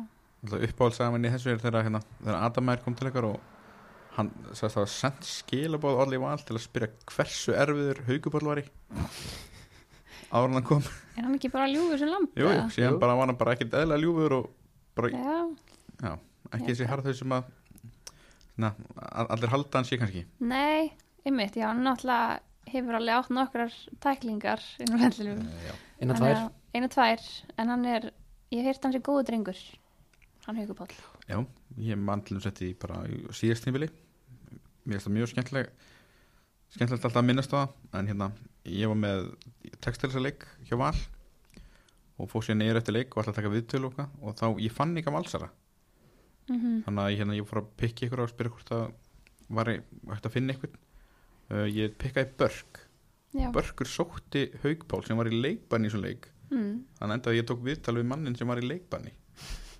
um hvernig leikunum var Það ekki bara, gekk ekki bara vel eða, eða hvað? Eh, þetta var svona, þetta var mjög vandrarlegt sko. hann er eitt svona hann svona börkur rétti mér haugból bara taktu hann bara Já, og hann var svona eh, þú veist, ég spila hann alltaf ekki leikinn sko. þannig að ég var að gera það ég ekki, já, já hann, ekki, þið tveir bara eitthvað, já, gerum hann þetta var þess bara. náttúrulega bara í borgarlega klæðnaði bara, bara með hvort hann hefði verið hettupeysu eða kannski bara svona, Nei, bara styrklá skilju já, tveir sjúklega meðvirkir, eitthvað, ok, Ég- börkur sagði okkur, gerum þetta, gerum þetta bara. og ég tók viðtalið hann svo er eitthvað var, var ekki erfitt að vera bara í stúkuna og fylgjast með þessu Og hann bara, jú, jú, þú veist þetta vil maður reyna og... Já, Já, gott að vera en hann var, var... puttan á púlsinum ég hugsa í að hann, stúkunni. hann hafi upplefað þarna í fyrra að vera rangur maður á röngum stað Já, emmi. allavega hvað þetta var þar Já, Börkur sagði sko, já býti hér, sem fór hann bara inn og sótt hann já, Það já, veist, heikur upp á alla típa sem maður hefur bara mætt og bara, já, hann náttúrulega vissi ekkert hvað var að sækja ný sko. hann nei, kom bara ok. fram og sem bara við viðtal Já, ok. og hann spilaði ekki svona líkin en já, þetta var þetta var skemmtilegt Já, áhugavert. uh, eh, hvað finnst þið leiðilegast að gera á æfingum? um, Vist uppbytun ekkert sérstaklega skemmtileg Hmm? og langar taktík aðingar þar sem kannski að gera sama hlutin aftur og aftur minnst það ekki skemmtilegt nei, nei þess að maður er lengur búin að ná því sem maður þarf og þá finnst mér það þetta er replega lett sko einmitt Þetta er svolítið svona klassiska Já, já, svona hlað reytur og spil geggja þú veist, það er alltaf skemmtilegt mm. maður verður eiginlega bara fúll eða er ekki reytur á æfingu í dag já En svona eftir tíðanbíl, hvað fáið þið svona langt þú veist, frí þunglega prísin sem byrjar? um, sko Sko vanalega þá hefur það verið kannski einn mánuður eða eitthvað, einn og hálfu mánuður Mm. sem er frí. Um, ég bara veit ekki alveg hvernig það verður hjá þrótti núna. Ég er bara að spyrja Nikka þig. Já. Já. En svona þegar fyrstu æfingunar í þessu prísísunni Mm -hmm. er það bara ógeðslega mikið hlaup. Já, Það, það er svona, en samt það má ekki alveg drepa móralinn strax, sko, það verður svona, það er alltaf mítan sko að þú veist, fyrst, fyrstu æfingunar þá er alltaf hérna, þú veist, bara hlaupa mann í, þú veist, það er að byrja að æla sko. já, Ég er bara að byrja hvort það sé í alvörinu þannig. Nei, veist Jújú, jú, það er alveg svona aðeins meira heldur en yfir tímabilið náttúrulega en þú verður samt ég held að sem þjálfari þá verður að þú veist leikmann með ekki fatta að vatni er að fara að sjóða þú veist, þú verður að hækka hitan bara svona smám saman og svo allt í einu þá bara að byrja að sjóða Mm. og þá ertu bara í pottinum og þú kemst ekki skilur Mm. þannig þetta er svona, þú veist, þú vilt ekki bara eitthvað henda fólki bara í eitthvað útihlaup þú veist, það væri heldur ekkert sniðugt held ég, svona upp á meðsli sko. Heldur góð myndlíking. já, Já. já, ég var eitthvað ég var lík, reyna að líka þessu við humar er ekki humar Já, matreitur svona jú, einmitt. Já, já, hann er bara svoðan lefandi. já, ég er bara að breytast í eitthvað Jordan Peterson hérna líka okkur við humar oh my god já, Já. En svona, þú náttúrulega er búin að vera í, bara í boltanum alveg í smá tíma núna. mhm um, hefur tekur eftir þú veist breytingu á þú veist hvernig kultúrin er núna versus hvernig það var þegar þú varst að þú veist, byrja svona þín fyrstu mistralóksár já, svona æfinga Hmm. Mm. æfingakúltúrin bara já bara svona allt svona umfang bara í kringu það bara þú veist fyrstu Mhm. æfingunar þú veist það finnst þetta hafa tekið svona, svona bæ, breytingum til þess betra Já, minnst svona það er svona meiri struktúr utanumhald og komni meiri, þú veist, það er styrtarþjálfari núna hjá öllum, það var ekki þú veist, hjá öllum liðum eða allavega hjá mörgum í topp baráttunni, ég veit ekki alveg hvernig það er með, þú veist liðin í, í hérna allavega þau lið sem ég hef æft með það eru styrtarþjálfarar og ég held að það sé þannig á flestum stöðum um, og svo er líka bara þessi, þú veist, videogreining það er farið að koma meira inn og þetta er bara svona að fara að taka þessu aðeins alvarlega, sko en það verður líka, þú veist, bara að halda þessu jafnvægi, þú veist, að þetta sé líka samt skemmtilegt þó að þetta sé mjög, þú veist alvarlegt og, og tekið hátilega og svona, þá er þetta náttúrulega bara fótbolti og gaman að Já, spila en jú, mér finnst það mér finnst þetta alveg hafa tekið einhverjum framförum síðustu ár en ég held að sé samt þægt að að bæta íslenska menningu, fókbaltamenningu mjög mikið svona bara eins og í yngri flokkum og, og svona ég held að við eigum alveg mikið inni þar Hmm. mm. hvað finnst þið vanda upp á þar?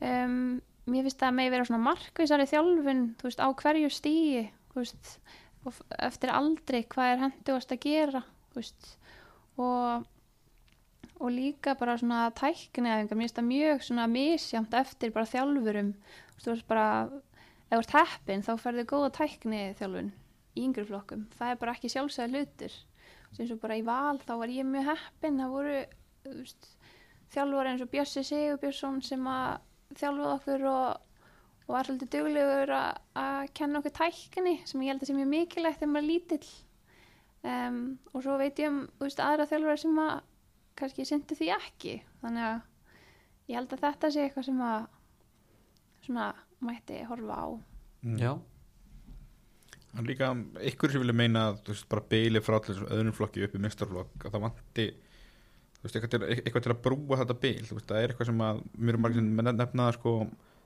svona frá svona fjóruð og þriðja flokk já, þá er svona það, það gerist eitthvað þar sem að þú veist þetta svona staðina svolítið mm, síðan þú veist kemur svona þú veist það kom ekki allir eins tilbúnir í þú veist mistarflokkin heldur en kannski við hefðum geta gert já einmitt já ég vildi að ég væri með eitthvað listni við því sko en er það ekki bara, þú veist, leifa fólki að það er náttúrulega komin svona lið sem að eins og KH og eitthvað hjá þú veist, mm. svona vennslalið já, þannig að þú veist, mér finnst það eitthvað sem að gæti gengið sko, með því að gera fólk tilbúið og bara leifa því að fá spiltíma og, og hérna já, þannig að er búið að vera umræða núna í, í síðustu ég allavega síðustu tvö ár sem ég man eftir allavega mhm, svona umræða um að leifa leifa sérst varalið þú veist, að leifa varaliðunum að koma inn í deildina inn í neðri, neðri deildinar og þú veist, vera með eitthvað svona átlætti mitt fyrir þá sem eru kannski ekki alveg nógu góð til að vera þú veist, í aðliðinu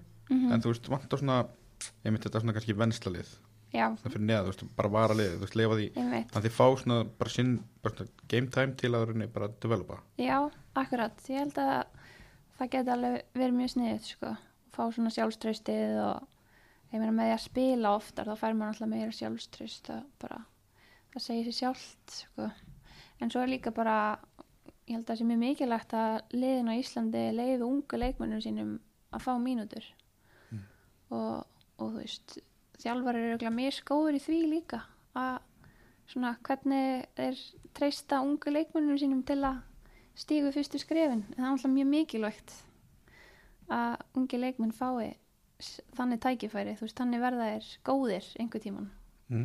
þannig að eins og ég man bara þegar ég var að byrja hvað ég var þú veist þakklót fyrir það að fá einhverja mínútur og, og tækifærið og maður vildi spreita sig þannig að já, kannski meira svona svona kannski svona þá leiðilega að horfa á lit svona á kannski eins og þú veist, allt tala um þetta útlendingalotto skilur með leikmenn sem koma já, Þú veist, það er leiðilega að ná þá í þú veist, þá leikmenn sem er kannski að taka mínútur af þú veist, á þessum yngri leikmennum sem er- væri sannlega ekkert að gera síðar hluti nei, emitt og þú veist, það hefur alveg komið fyrir hérna á Íslandi að það eru kannski einhverjir fengnir í liðin sem að eru svo bara ekkit betri heldur en ungu leikmenninir, það er alveg svolítið sorglegt sko, maður hefði nú séð ófáa leilega útlendinga koma mm, ba Já. þú veist, bæði kalla hvenna sko. já, já, já, Já, já, það er allir gangur á því sko um, ég held að þú veist, það er alltaf gott líka fyrir liðin að hafa uppalda leikmenn sem að þú veist, spila fyrir klubbin og hafa fengið trausti, ég held að það sé alveg svona uh, vanmyndið sko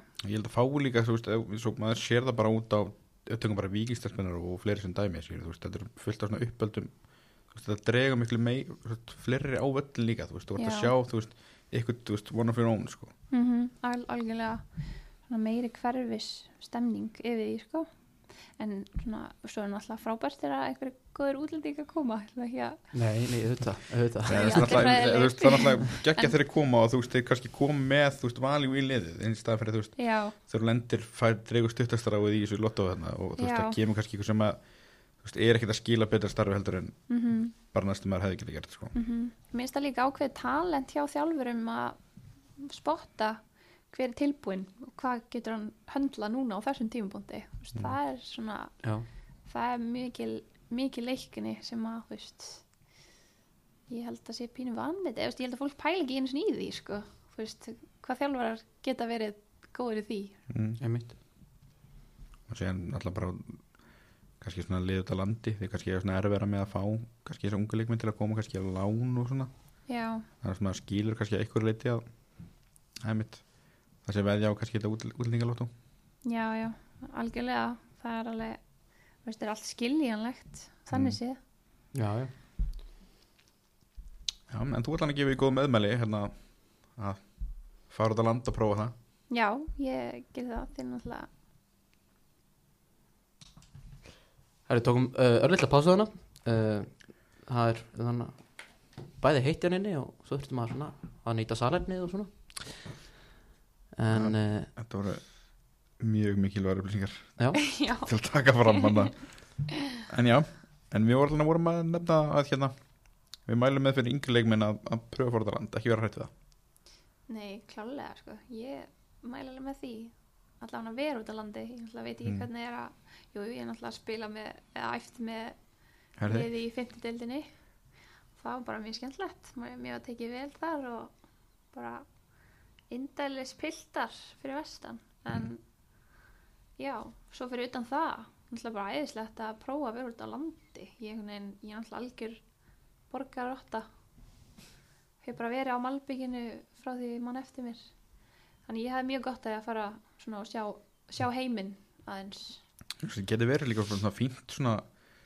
svona kannski sk- svona ef ykkur er að leitast eftir að fara þú veist, ef endgóli hjá ykkur er meira að fara út í aðdelmesku þá er Mhm. kannski fínt að pröfa að fara út á land bara svona testa að fara, fara þess út fyrir út fyrir höfuborgina Ég held að þetta bara sé- að fara ég er góða punktur ég held að þetta sé mjög þroskandi fyrir hérna ungt knattspyrum fólk í, sem frá höfðbókasvæðinu að að fara á, þú veist, á lán út á landi eða eitthvað skilur já, ég held að stóðs ekki að fara nema þú veist fara höfbröginni norður þú veist þú veist, þau tökum bara, þú veist, akkur er, akkur er ekki lít, lítið Nei. pláss, skilur, þú veist, það er allt til alls þarna, þú veist, þú ert með Já. allt sem þú þarf þarna það er og hægt að fara meira til, það er bæði hægt að fara í bíó og að djamma og akkurir sko Já, veist, ég er að segja þú veist, að þó að þetta sé langt, það langt í burtu að þú veist, þá er þetta samt, þú veist, þetta er ekki þetta er ekki eins stórt svona big deal og kannski margir mikla fyrir sér nei, nei, algjörlega maður er líka ekkit það, eitthvað það langt í burtu ever á Íslandi skilur Mm. þetta er það er með eitthvað sjúka heimþrá eitthvað bara getur græja það já, já samdægur Ég meina við erum báðir,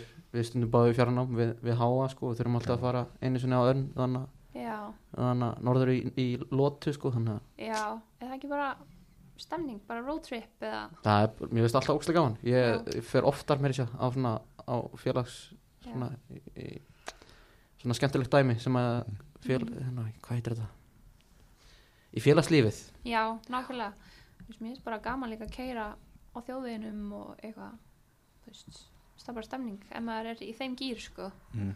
svona, fyrstu tveir tíminni fínir síðan er restin ansin ekki bara sko, já, reyndar, það er reyndar alveg- alveg rétt hjá þér, sko. tak í bakið og vera svona allt óþægilegt og, já, svo getur maður að fara í gölubíl og eitthvað svona alls konar leiki á leiðinni já, já, hver er maðurinn eitthvað jú, hljómsleikinn já, það er svona það segja ykkur á hljómsveit sem, sem, sem ég ég myndi byrja bara á nirvana þá þurfti næstu maður að koma með hljómsveit sem byrjaði á A sem, sem, já, sem byrjaði á síðustu dátnum sem þú sagðir einmitt það er mjög skemmtilega líka já, einmitt það er frábæleikur en já, ég held líka að fólk sko af höfuborgarsvæðinu hefði samt mjög gott að fara einmitt í lítið pláss ekki fara bara þú veist, á Akureyri eða eitthvað þú veist, fara þú veist, í, í einhverju minni minni bæi það sem að væri bara actually lítið að gera Mm. ég held að það geti líka verið mjög þróskandi þá, Já. þá fyrst mæti maður sjálfum sér sko og þarf að hafa ofuna fyrir sér Ég held Einmitt. að það sé mjög holdt fyrir alla að prófa það mm. bara þú veist, já, sundi já, ég get ekki farið í sundi núna, búið að loka loka klukkan 6 í sundi ansar, hvað á ég að gera þú veist, Mm. þetta er lokað á sunnudegi já, bónus það er, bónus er lokað ég hefði þurft að græja matinn aðeins fyrir, þú veist, þetta er svona Mm. sem maður getur ekkert eitthvað að fara í hagkaup skeifunni alltaf, skilur, þetta er alveg fínt svona að minka möguleikana sína í einhver tíma til að átta sig á því hvað maður getur svo haft sko. Já. þannig að, allir á lán til Dalvíkur á næsta tímabilið, þeir eru að fara lengi til þarna já, vonandi allavega, eða völsung þá það sé hann ekki lengi til reyn já já, ég held að sé bara góð, sko, ef einhver er að pæla í þessu já um, ef þú fengir eina spurning til að spyrja hvern sem er hver er í spurningin og hvern og hvern myndur spyrja Vá, þetta er rosa eitthvað heimsbyggileg spurning. ég þarf ekkert að vera sko Þarf hann ekki að vera... getur alveg sagt bara þannig að spyrja Sigga frænda hvernig hann hefur það sko Já, ég mynd. Já, ég myndi kannski bara að mitt ringja í frænda minn og spyrja hann hvernig hann hefur það. Þetta er góð, góð hugmynd. Já. Það veist, ég var ekkert búin að pæla í þessu, sko. Ringi Þór, Ekki þannig. Ha, Ringi Þór Jansson, hvernig hefur það? já. Ég mynd. Það er samt vannmyndi, sko. Maður á að heyra í fólkinu sinu. Bara svona, Já, tjekka það í.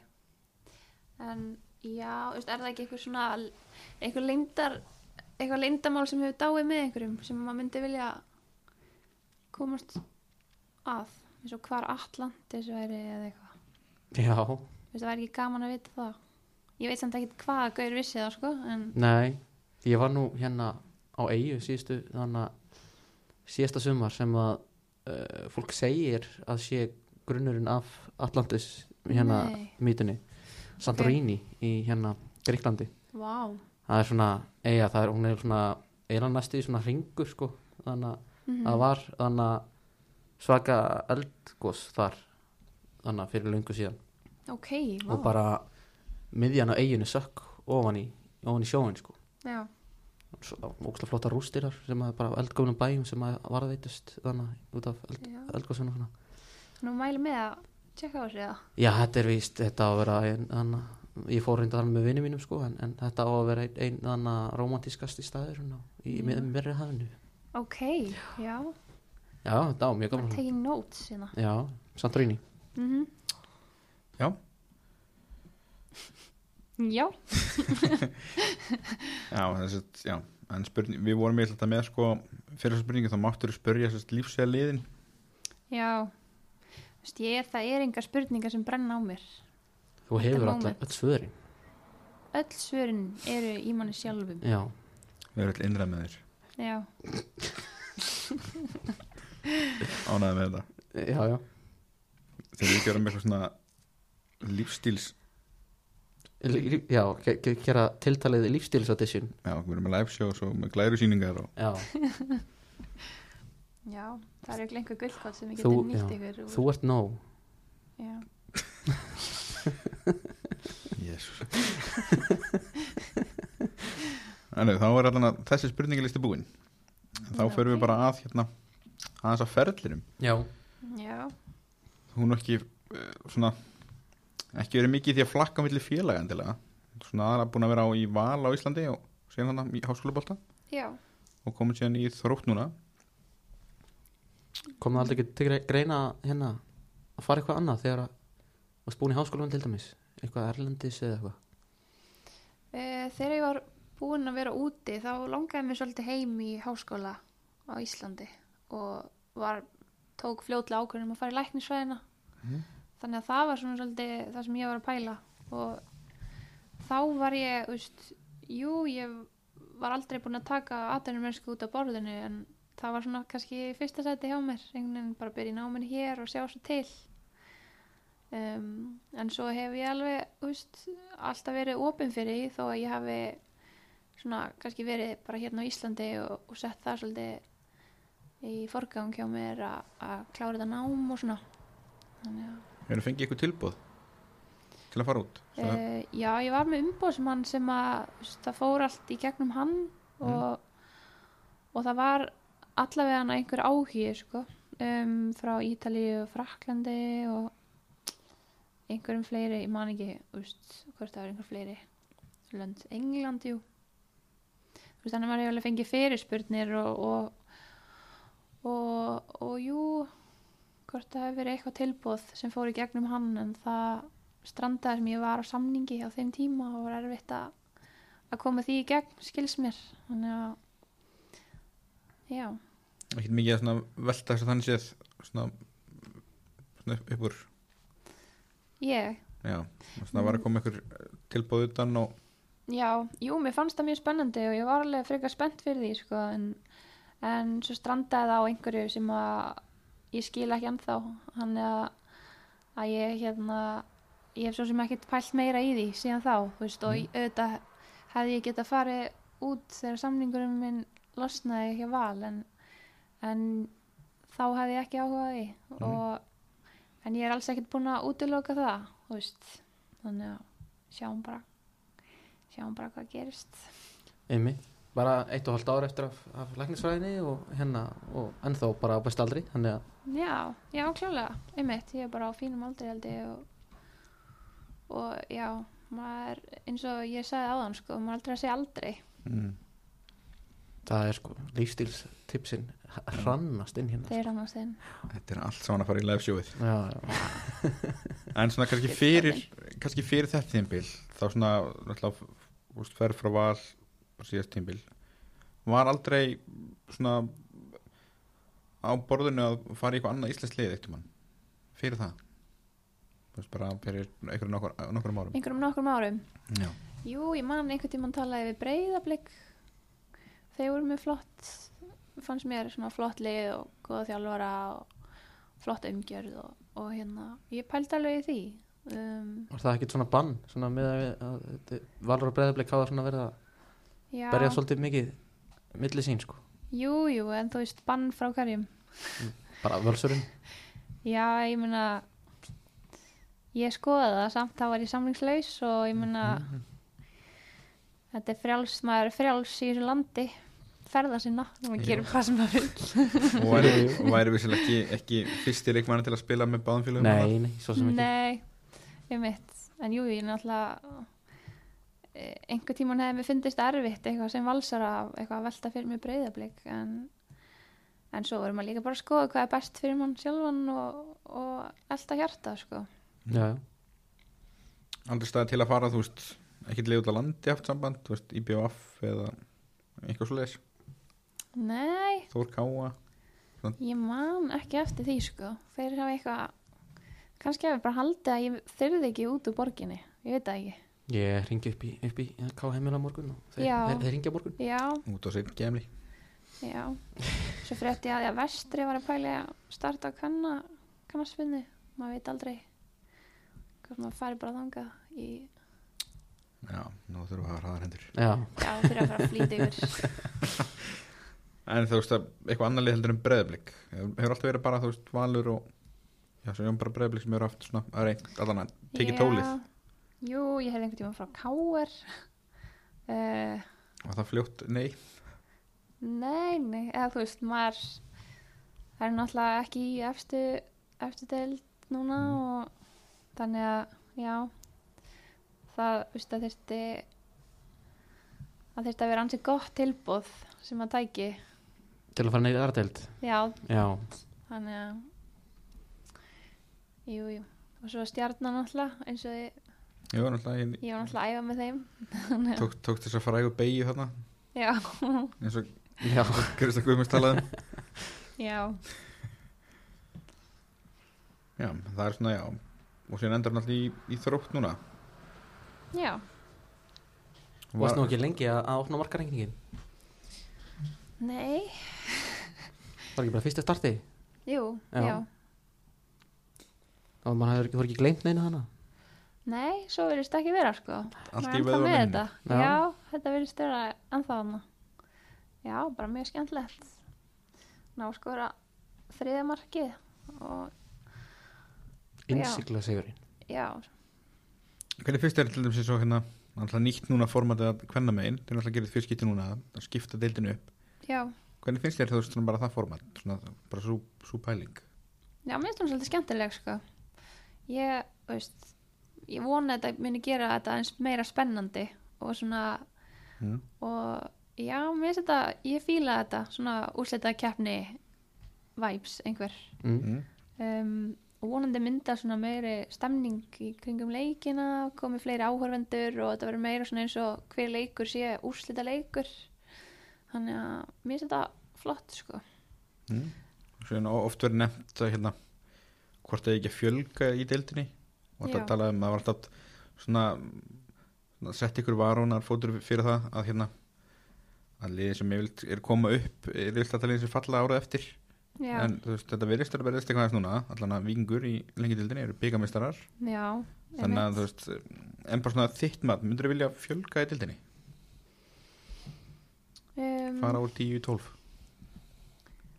já, ég, eða, þú veist, ég bara veit það ekki alveg hvað mér finnist um það þú veist, það færi svolítið eftir einmitt gæðum liðana sem kæmi upp og ég bara þekki ekki alveg nógu vel mm. um, en segjum sér svo, ég meina eins og vikingur þær eru að koma upp núna og þær verðast bara bara að vera með frekar gott lið Mm. og þær voru náttúrulega er náttúrulega byggamistarar núna og já, dóminerandi náttúrulega í, í deildinni sinni og og ég held að þú veist ef að þær, þú veist, ef að þær eru með svona gott lið í þessari deild þá hljóta hinlegin líka að geta eitthvað, þannig að kannski, þú veist, já kannski er þetta bara möguleiki Náttúrulega F á nýlegar í deildinni, búin að koma virkilega vel inn í mótið Já. í ár og Einmitt. Mhm. tindast allir sjálf sér líka, þú veist, mm náttúrulega byggust allir við að þeir eru bara langneðstar, já, þar eru, já, allan fyrir skiptingu, þá eru það allan ekki í fallseti. mhm, einmitt Þannig að þetta er svona, Já, þetta lítur allan ágætla út, svona allan að, það er líka þessi rauk allavega, að hérna Mhm. liðið sem kom upp, en myndir Séu þá bara áberandi verri. já, myndir þá hafa bara lengri, lengri, lengra tímabil eða, þú veist, ég bara hafa þetta eins og, Bara eins eins og og þetta þetta kallar kallar menn. meginn, þú veist, Já. þú veist, eins og núna skiptingin er, þú veist, er, hvað er ekki, top 6 og, svona, bottom 4, já, já, þú veist, verða bara með skiptingina bara 6 og 6.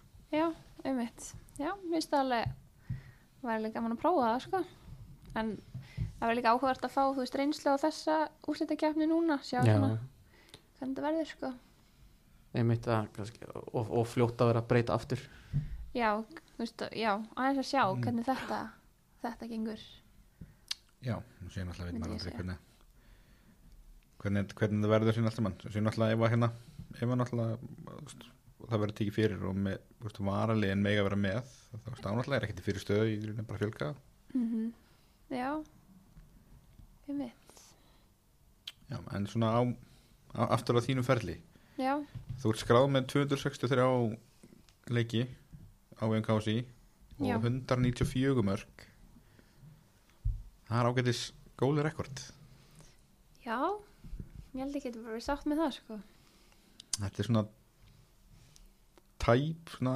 Þetta er næst, þetta er, tæplega markileik þetta er, já, þetta er þrjú á fjórum Eitthvað kannig, já, þetta já já, er, þetta er annarkvæð leikur allavega já, einmitt svona svo að við fyrir mjög upplustur okkur sem einhverja starffræði séningum sem við erum Nei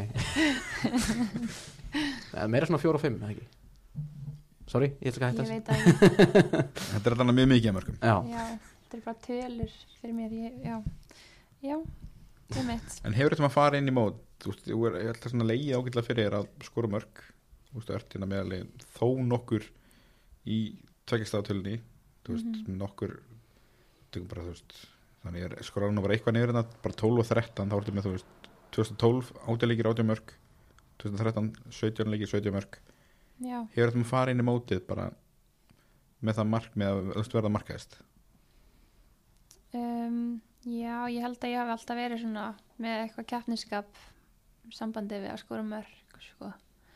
og jú, það, en það svona fyrst og fremst hefur það bara verið að að hjálpa liðinu sko. það hefur alltaf verið svona 1, 2, 3 en jújú, jú, það hefur alveg verið á baka eira eitthvað svona, já, væri gaman gaman að vera markaðist, þú veist, það finnst öllum það held ég skemmtilegt sko, Mm. sem eru í þessu eru frammi eða á kanti eða hvar það nú er sem að, og skora mörg þannig að Já. Hva, hvað áttu marga gullskói?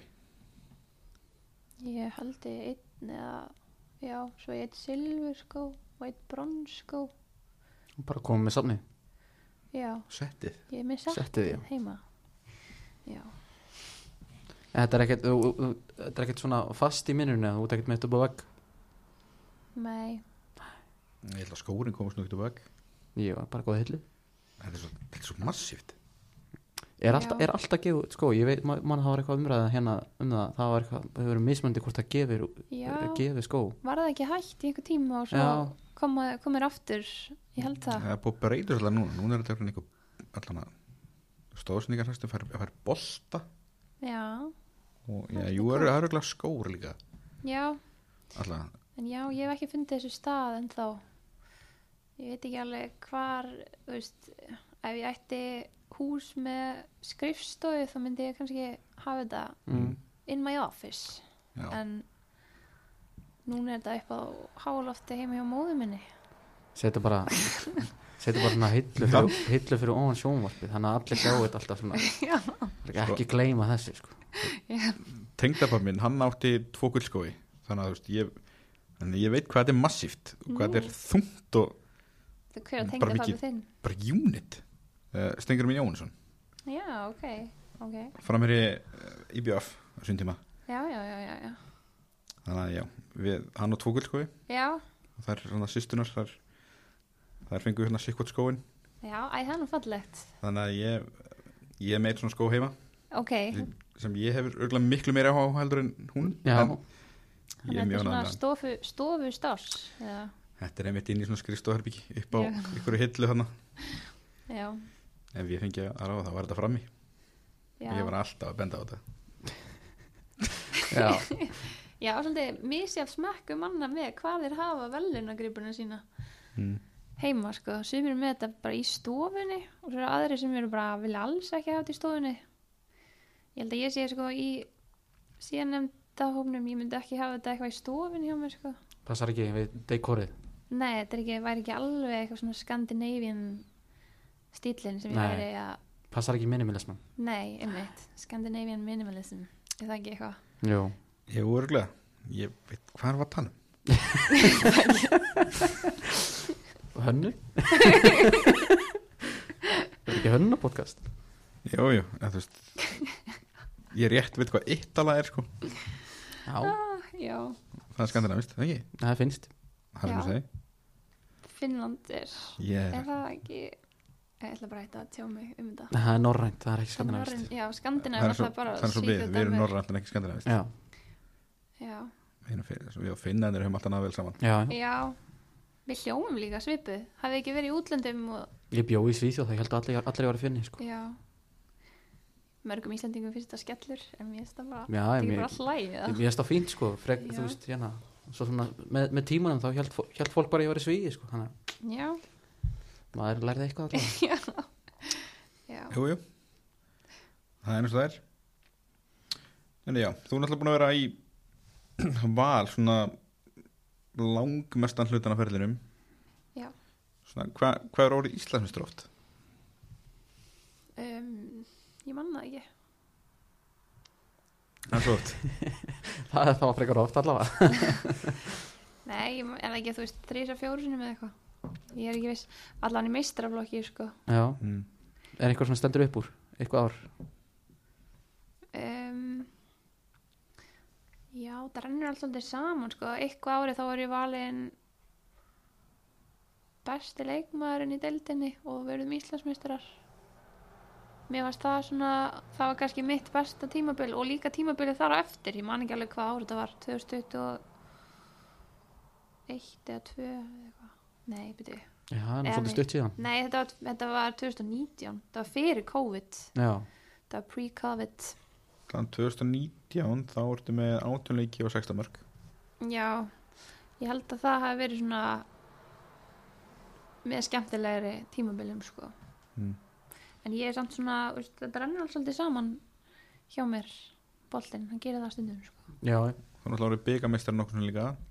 Já, Hvernig finnst þér þú svona svona svona að þú bera- reynir að bera það ná einhvern veginn saman vera byggameistar að Íslandsmestari mm svona það er kannski skrítið að spyrja hvort, hvort sé skemmtilegra endilega en já, svona, þú veist, þetta er náttúrulega allt öðru sí hvort er skemmtilegra að fagna byggamestaratilli eða Mhm. mm. Íslandsmestaratilli já, góð spurning. Ég held að sé náttúrulega, þú veist, það er svolítið gaman að vera byggameistari um hásumar og, og þú veist, að vinna úrslitaleik. álauga þessu velli á laugardalsvelli, já og nú er þetta orðið að mjólkur byggarnum og þá er þú veist einhver mjólk og eitthvað sem er já, já, yes, það, ákveðin stemning eða þú veist mér er þetta pínu skríti en já. ég, ég var að texta lýsa núna byggarústaleiknum síðast ég Já. reyndi bara með því langt frá þessari mjölk og ég gaf Já. sko, þegar hún fór á flug ógeðslegt þegar þetta fer í fötin sko, yeah. Ég- það er fyrsta sem ég hugsaði bara Ég, oi, var, þetta súrnar utan á fólki ég var einmitt fyrra þaðan, á, á kalla byggarásleiknum já, Það var ekki góð líkt af þaðan, Nei. sem vikingunum hana nei þetta er ógeðslega steikt Já. en, en já, ég myndi segja að það væri skemmtilega samt að fagna byggarnum sko mm. svo fyrir fólki örgulega með byggarinn eitthvað nýr í bæ ef ég þekki fótboltafólk rétt Já, já, margir sem hafa gert það já, það að fara á BFM í, í gamla daga ég veit ekki hvort það ádós er búið að taka við núna hvort það sé nýja BFM ég veit það ekki, við káðum en við skoðum þetta þegar kemur að því já, það er sem, það er sennilega það versta sem geti komið fyrir fyrir íslenska fókvöldan svona ángrís hvað? já, K.A. er þið byggamestari núna Nei, nei, ég þá meina var við, engin spenna þarna eftir við erum hvort sem er að fara að ná sér fjóruðsætti Við vorum að vinna FH, hérna, og bara, þú veist, 3-0, markatalan komin í lag og Æ, Já. hann heldur það ég veit það, ég er búin að sjá þetta Æ. Herru, þú er með 62 landslíki annarslíki allavega, skráða Já. hver er svona, er eitthvað landslíku svona sem að sem stendur upp úr Um,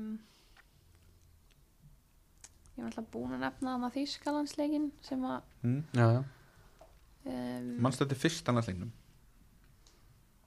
Já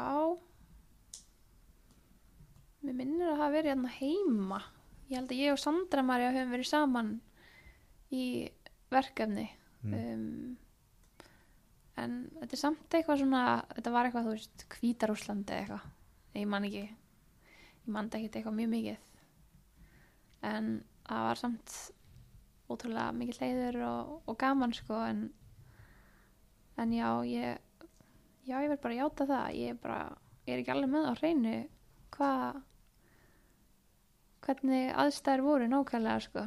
En það var alltaf mikil, mikil spenna, sko, Hm? Mm. að, að fyrir, spila fyrir Íslandsend. Um, en já, annars er engin svona ekkert sem við dettur í hug svona í fljótu bræði sko þú veist, ég er örgulega að gleyma einhverjum svakalegum leikjum Fannst þú aldrei fyrir nefni pressu, skilur þú veist að þú varst lengi vel náttúrulega bara hérna aðalstrækinu í liðinu Mm. og þannig að alltaf valinn, en fannst þú aldrei fyrir nefni pressu að þú veist að þú þurftir að fara út eða eitthvað til þess að hérna uh, upp á landsliði, skilur Jú, ég náttúrulega verið spurð marga átt að því hérna hvort ég ætli nú ekki að fara út í Já. atinu mennsku og jú, jú, ég- það var alveg svona að maður spurður að því í nánast hverju viðtali sem maður fór í ætlar ekki að fara út og hérna og ég veit ekki hvort að það hafi verið eitthvað mikil pressa skilur en maður, það var allavega svona maður myndir á það um, uh, en mér fannst líka bara þú veist, mér leið vel hérna á Íslandi og líður vel á Íslandi og ég held að það skiptir líka miklu máli þú veist að mann líður vel og maður er bara að spila vel og, og er í standi og, og svona nær því besta fram úr sér sem maður getur náð þá, þá þú veist á þeim tíma fannst mér bara fínt að vera á Íslandi og mér fannst ég bara þú veist ekkert standa mig síður á æfingum heldur en þær sem voru úti í aturmennsku þannig að þú veist ég held að auðvitað er frábært þegar leikmenn fara út í aðdæmmennsku og þeir upplifa einhver önnur gæði og, og, og bara þú veist hafa gott eða skipt um umhverfi og svona ég vil alls ekki gera lítið úr því en fyrir mig þá held ég að hafi kannski ekkit endilega henda þá sko Fannst Já. þér ekki pyrrandi þá svona, að fá alltaf þessu spurningu Þú veist, hvenær er þetta leiðin út svona, já, kannski svona þú veist, eik- eitthvað leiti svona óþarfa svona pressa á að reyna að íta þér út jú, eða þú veist ég, það sem að mér fannst bara svo skrýta því ég var alltaf nýbúin að spyr, eh, svara henni, fannst mér sko þannig að það var eiginlega þú veist, skrýtna og kannski ekki pyrrandi en, en bara svona já, þú veist, mér, mér finnst það bara svona furðulegt akkur, akkur fólki fannst þetta svona mikið mál í rauninni, af því mér gekk alveg vel á Íslandi og mér gekk vel að spila með landsliðinu en kannski vildi fólk bara sjá mig taka næsta skref eða eitthvað og maður virði það en, en ég er náttúrulega búin að skuldbunda mig að vera í þessu námi og, og finnst það líka skemmtilegt þannig að Hm? mm. maður verður bara að elta, elta hjarta með það líka Jú, jú. Þú náttúrulega fara á tvö stórmótið ekki uh, þrjú, Þrjú, öll Já. þrjú Já, er, er það ekki fjögur sem að Nei, íslenska ekki. kannunansliði fara á? Ég man ég sigir ekki fór 2009 held ég ekki já ég fór ekki þá Nei. þá var ég 14 ára Það er samt verið ekkert eðalega gott afrek Já. þegar náði því já, en Svona- ég fór til Svíþjóðar hana, með landsliðinu Mm. um, þá var Sigir ekki með það ég held að það hafi verið hvað ár var, hefur það verið 2013 eða, nei jú, geta ekki verið Jú, ég held að stað passi Já, ég kom inn á í síðasta leiknum á móti Svíþjóð mm. ég bara lít, bara, húst, ég var bara átunur að eitthvað 17, 18 Já, En, Síðan já, náttúrulega mótið hérna 2017 já, náttúrulega Leikurinn þannig að mótið Fraklandi já, sem hún var emitt dæmdað í vítaspinni Já, það var gífulega svækjandi Já, Já, alveg heartbreaking um, og mér fannst það mjög ósengjant og hérna ósengjant dómur hún svona leti þetta svolítið og, og það var svona svolítið mér fannst mjög sárt að fá ekki að spila meira þú veist, á því Mm. móti en það var bara með þetta sem svo á þjálfurunum að að- að vera betra að ég kannski bara kvildi og maður verði það mikil pressa á þessu móti og, og náttúrulega snýst um að liði vinni og, Mhm. en ég var náttúrulega mjög tilbúin í að spila þannig að já Freysi var náttúrulega, hann var fljótur allan að í- eftir þennan leik allan að minn bara tók strax fyrir það að það væri náttúrulega hann náttúrulega ekki að hérna, henda undir rútuna með það allan að þetta var eitthvað ykkur um að kenna hann Já. var allan mjög svona tók það bara skýrt fram að, hérna, að ef, ef, ef það ef að fjölmiðlega ætlaði að skrifa þetta á eitthvað þá ætti að skrifa þetta bara á hann já, einmitt já, já, ég meina fólk getur bara að horta á upptökur af þessu mómenti eða vilt sjá hvort það átt að vera vítið eða ekki en ég er lengi hætti eitthvað að velta mér upp úr þessu sko. Já. Þetta var svona, já, við vorum, vorum að leiða leikin 1-0 lengi, þetta var svona alveg þetta var svona undir lokleiks svona, já, ekki, jú, ég, jú kem inn á, er að dekka mann já, þetta var svona mjög pirrandi já, Já. það vant Eh, Þetta var, já, þetta var mjög vond Frakland já, reysin að einhvern veginn krækja í stig með þessari leið það var frekar Já, frústrerandi ykkur vilja mér getur kannski sagt að væri þú veist svona típiska svona stóra liði fær svona ykk, ykk, ykk, Já, fær svona dómin með sér frekar en ekki einmitt Já, já, einmitt já, Já, síðan alltaf er núna bara síðast mótið hvað ekki 21 Já, ekki já, það er alltaf það var líka gráðlegt já fyrir alltaf taplust eina liði sem er taplust í gennum allt mótið já, einmitt en, en. En samt svekkjandi já, Já, já, já, það er margt gott í því móti hjá okkur en já, bara svekkjandi að fá ekki meiri results Mm, heldur en, ná klára já, Er eitthvað leikur sem, að- sem að þú kannski horfir á svona eftir á og higgja og ert svona þú veist, þetta er leikurinn við hefum átt að vinna þetta um, já, einh- einhverju leikir sko en ég er bara ekkert eitthvað mikið að alltaf er upp á hlutum velta mér upp úr þessu. Bara heis voru reis It is what it is. Já, Já, það er líka bara góð mantra já, bara áfangak, og svo er náttúrulega, já hérna gráðlega leikurinn á móti Hollandi þar sem við förum ekki að háa já, einmitt. Já, það var náttúrulega mjög sárt sko og já, já, það er hægt að tala endalust um eitthvað, eitthvað hluti sem eru Já, svekkjandi já. skilur en, þetta var en þetta fór allt sem fór, já, en lítið hægt að gera því núna. já það er bara Já. næsta mót, það er, það er alltaf næsta mót uh, Já.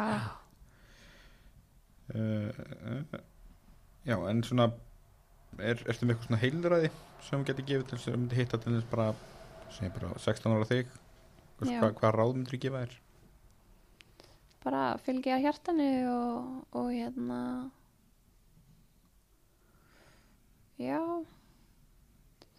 og bara hlusta á sjálfa þig aðalega, Mm, ég held að það sé svona ágætt, bara treysta á sjálfan sig svolítið, mm, Fylgin sænu já, Já Eh, Þú nefndir aðan að þú væri með hérna svona kannski að- aðrar ástriður heldur en fókbalta mm. Hva, hvað svona hvað svona aðrar ástriður ertu með?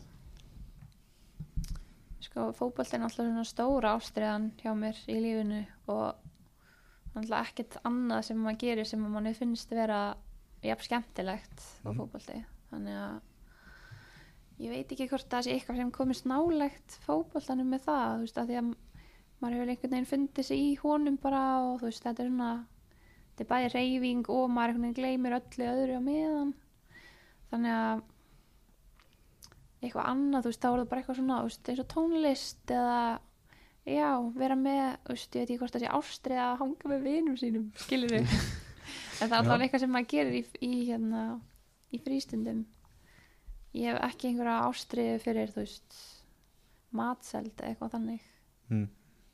ekki ennþá, hún er Náttúrulega- einn daginn náttúrulega frábær píanokona og já, já, já maður á sína spretti í því, sko já, já hvað varst að gera svona til þess að dunda þér í, í þannig downtæminu hérna fyrir vestan fyrir vestan ég var að hekla svona á kvöldin þegar ég hafði ekkert að gera svo fór ég í sund og mjög góð, góð sundlega í Bólungavík Mm.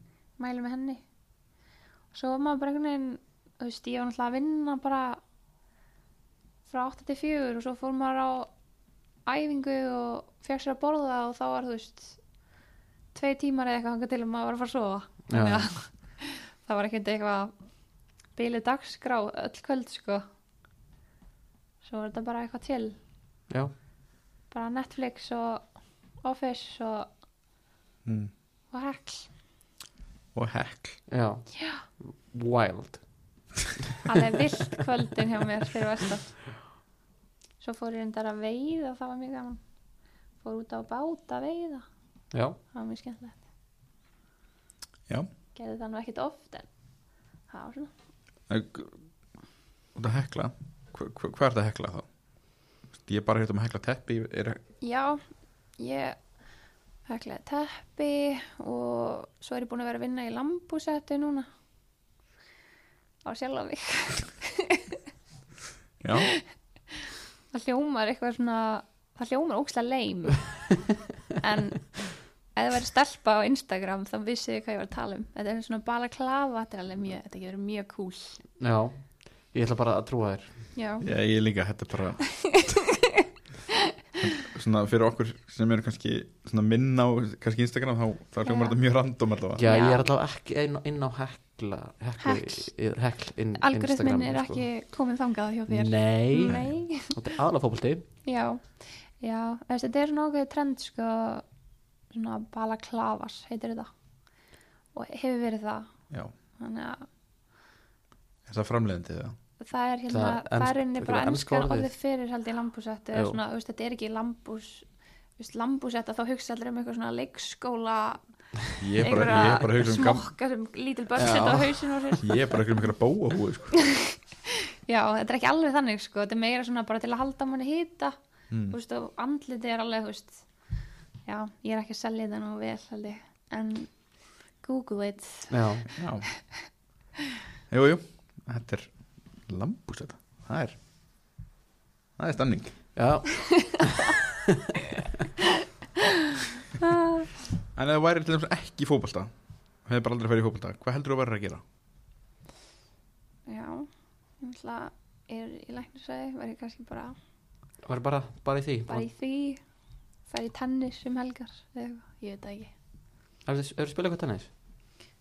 ekkert mikið sko, Nei, ég spila padel svolítið, Það er komið stert inn, Já. svona upp á síkastegi já það er svolítið skemmtilegt en já, ég veit ekki, kannski hefði maður bara farið í, þú veist, dans eða eitthvað eitthvað allt aðra íþrótt ef ég hefði farið, þú veist, ég náttúrulega ákvað bara frekar unga verið í fótbolta og komst ekkert annað að einhvern veginn ég prófaði, þú veist, handbolta og körfubolta eins en svo var ég alltaf bara langbest í fótbolta þannig að ég var ekkert eitthvað að skipta yfir nei, nei Heldur Var- að, var- hefði ekki verið liðtak í körfubólta held ég, mér finnst ég verið eitthvað full lítil í það sko þannig að en hefur þið alltaf verið einhver, einhver íþróttamæður?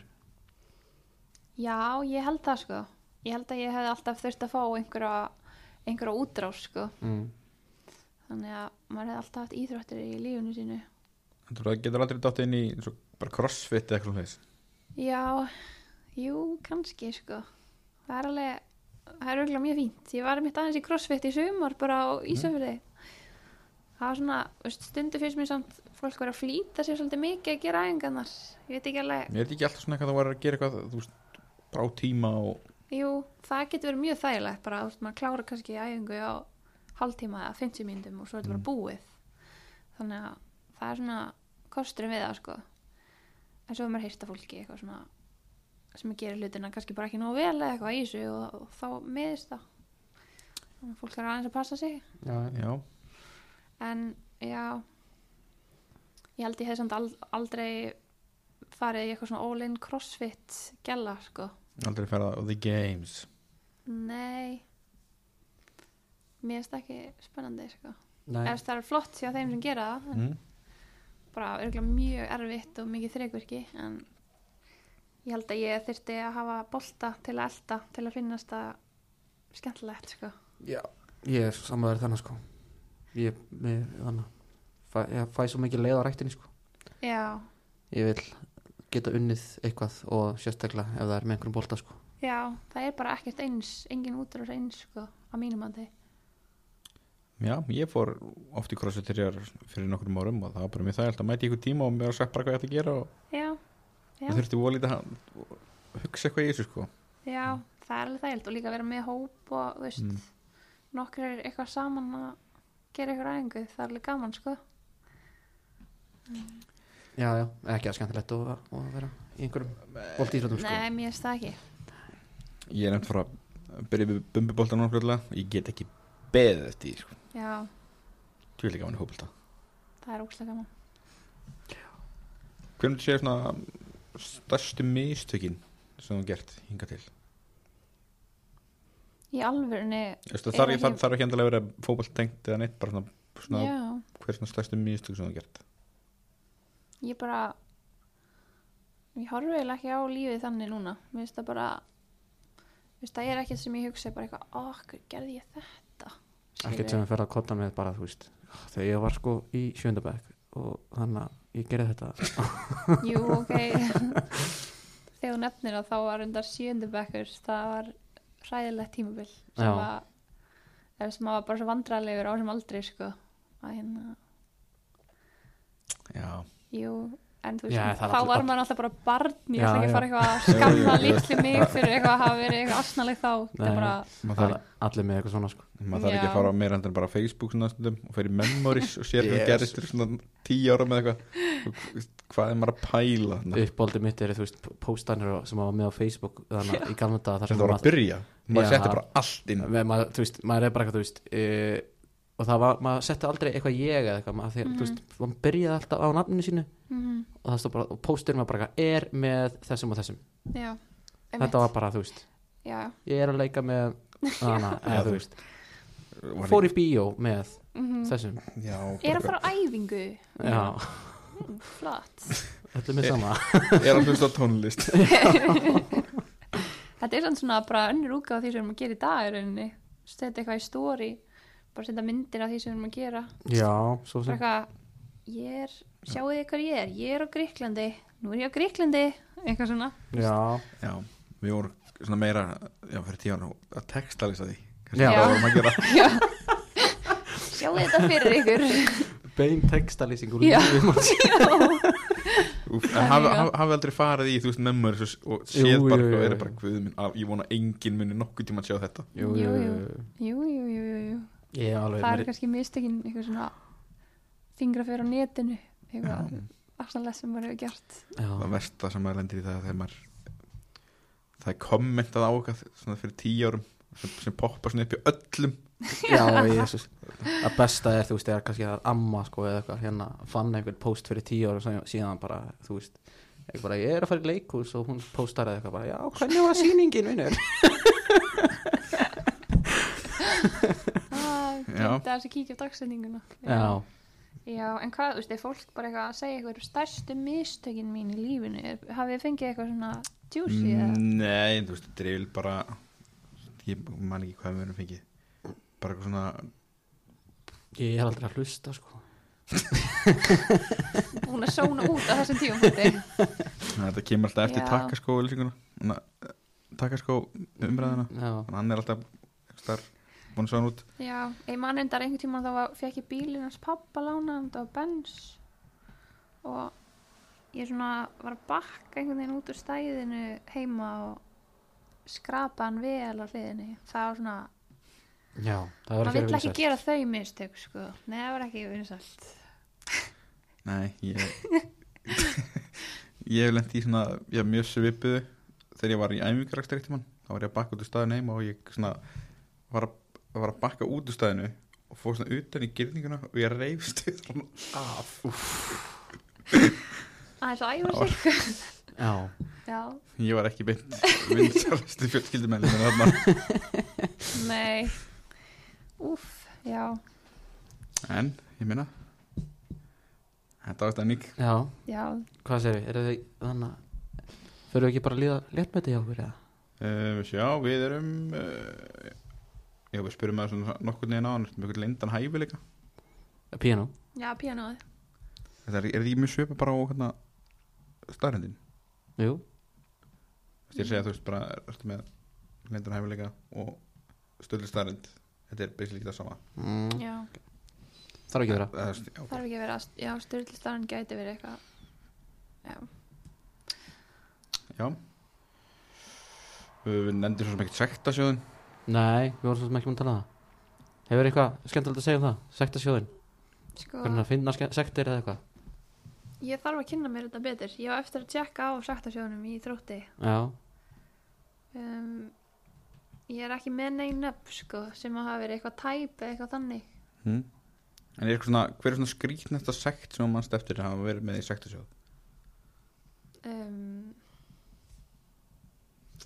Já, Þetta er svo Byrnisnær, hann talaði um að ef maður ættir í ljótum fötum þá þá var það sekt já Já, já, ég bara mann það ekki Það er ekkert svona ekkert í fljótu bræðir sem ég mann eftir, sko hefur þú þurft að greiða mikið í sjóðin á, á ferðlunum? á ferðlunum, já, ég hef alveg verið svolítið duglega að leggja mitt að mörgum Já Fjárnefna, fjármagna já, já, ferður svona já, ég hef alveg alveg passað upp á það, það sé nú til í sjónum, sko en það hef alltaf verið bara eitthvað að mæta þú veist, Diggur stuðningsaðali já og þú veist, jú, ég held ég að einhvern tíma fengið sagt líka fyrir, þú veist, að veri fe- fá gult spjald og eitthvað svona verið í banni og eitthvað en En hefur eitthvað verið þú veist svo eða byrtist myndar eitthvað staðar eða fyrir Já, um viðtal Það er eða- sagt að fara í viðtal, já, það er pínu fengi Þannig að ég þekki það ekki í þrótti Ég þarf bara aðeins að lesa reglunar betur Mm. í klefanum Ég veit það ekki Ef það er farið, sekt að fara í það- eða fer eftir lengda viðtali sko, þá er rækjaleg sekt á því Já, núna sko. já Ég veit Það er Já. bara mínútu Mínútu er sagt Já,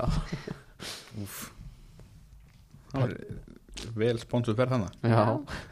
Æfingu fyrir bara komin Já, Herri, þá held ég að við getum bara Farið í, farið inn Léttmeti. í léttmetið bað, Já. baðið um að gera tilbúið hérna sjömanlið Já, já, ég veit um, Það spila með nokkrum góðum Já. leikmönnum, sko. Er þetta ekki bara leikmenn sem að ég hef spilað með? Jú, Já, Já. sem, sem máttu velja eitt sem kannski sem hefur má- ekki spilað með en hefðir alveg viljað spila með wildcard Já, ég myndi náttúrulega hafa málfriðarn í vörninni sko og glóti sig. Já, mm. Ég myndi hafa Karó, einhvers þar, kantinum, humann á kantinum, Dagný, Sara Björk, uh, hver er í markinu? Sandra. Uh, ég held ég myndi hafa eitthvað lefti líka í liðinu. Ég myndi taka, kom með sex held ég S- hvað, Sandra, Glódís, Málfríður Karó, Karó, uh, Sandra Dagný, sagði Sandra til þess sag, sagði það Mm. Mm. Sara, myndi, alltaf að segja Sara Já, ok. ég veit ekki hvað er Hvað er konið margir? það er kom með sex, Já, er það komið vantar reynu bara kannski bara þig upp á topp eða eitthvað eða, Já, eða, má maður hafa sjálfan sig í liðinu eða? já, að, þú veist, þú, þú er sjálf sér ræður Væntanlega myndi ég hafa væntanlega, sjálfan mig í liðinu já, Gamla góða Em, væn já, já, já, og Hver- náttúrulega hver- erfitt að sleppa Dóru Maríu líka sko.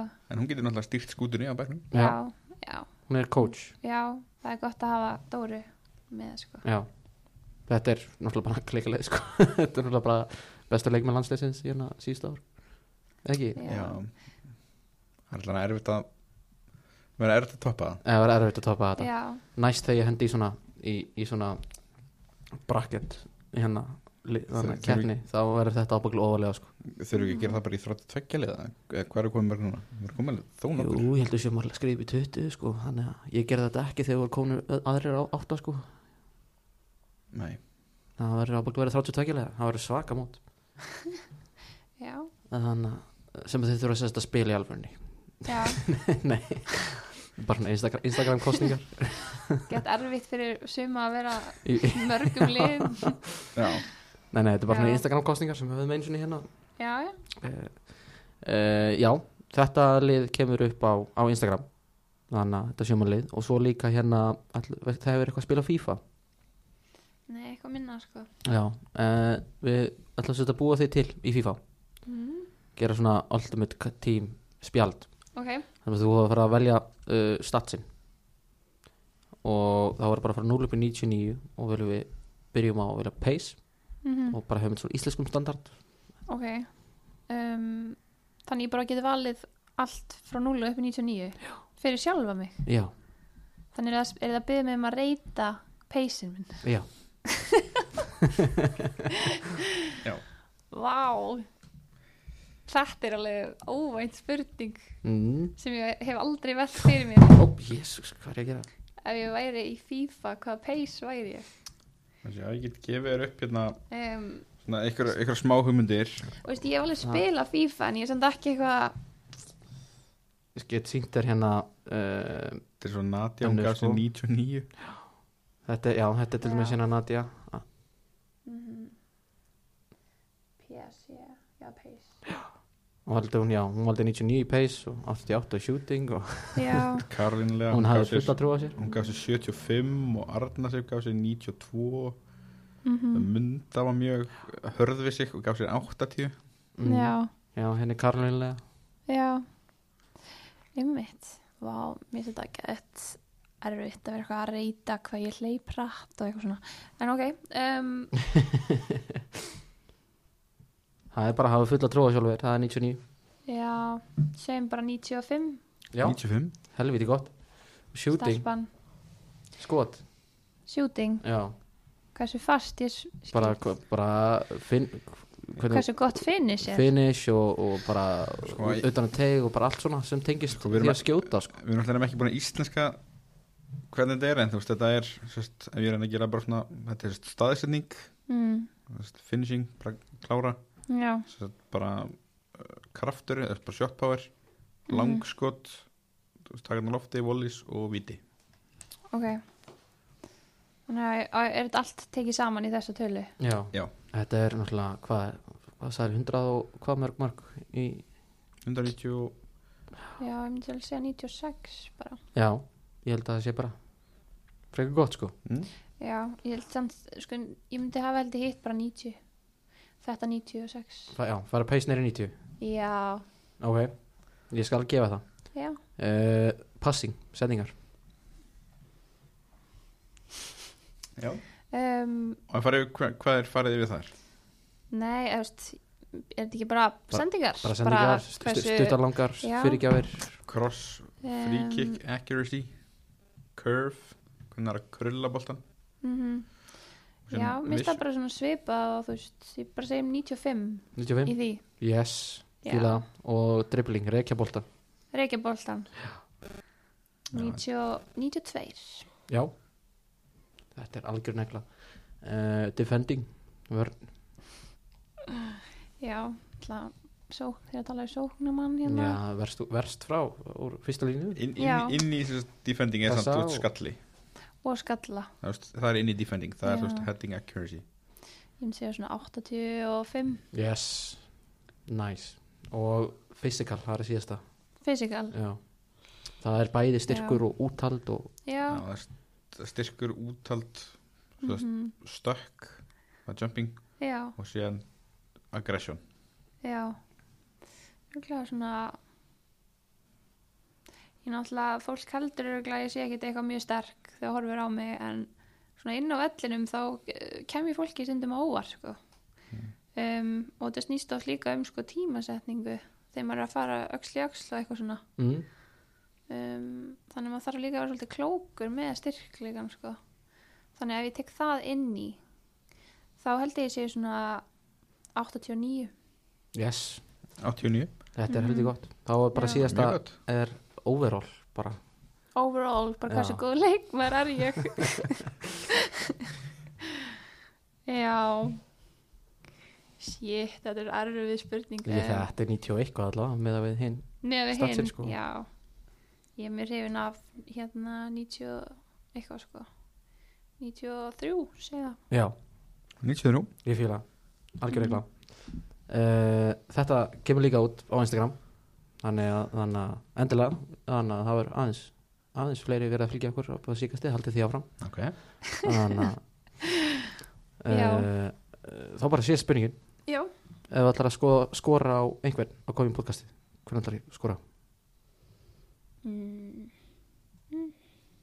Ég var til í að fá Írisi í þrótti Já. Markmann mm. Gekka Þá höfum við það bakverða Já, og hún má bara heyri í okkur Það má ég bara allir heyri í okkur já, Þá segir við bara, þetta því já, bara takk hérlega fyrir okkur Já, Elí. og, og takk hérlega fyrir komuna já, takk hella fyrir mig, það var bara gaman það er á komið í dag Yes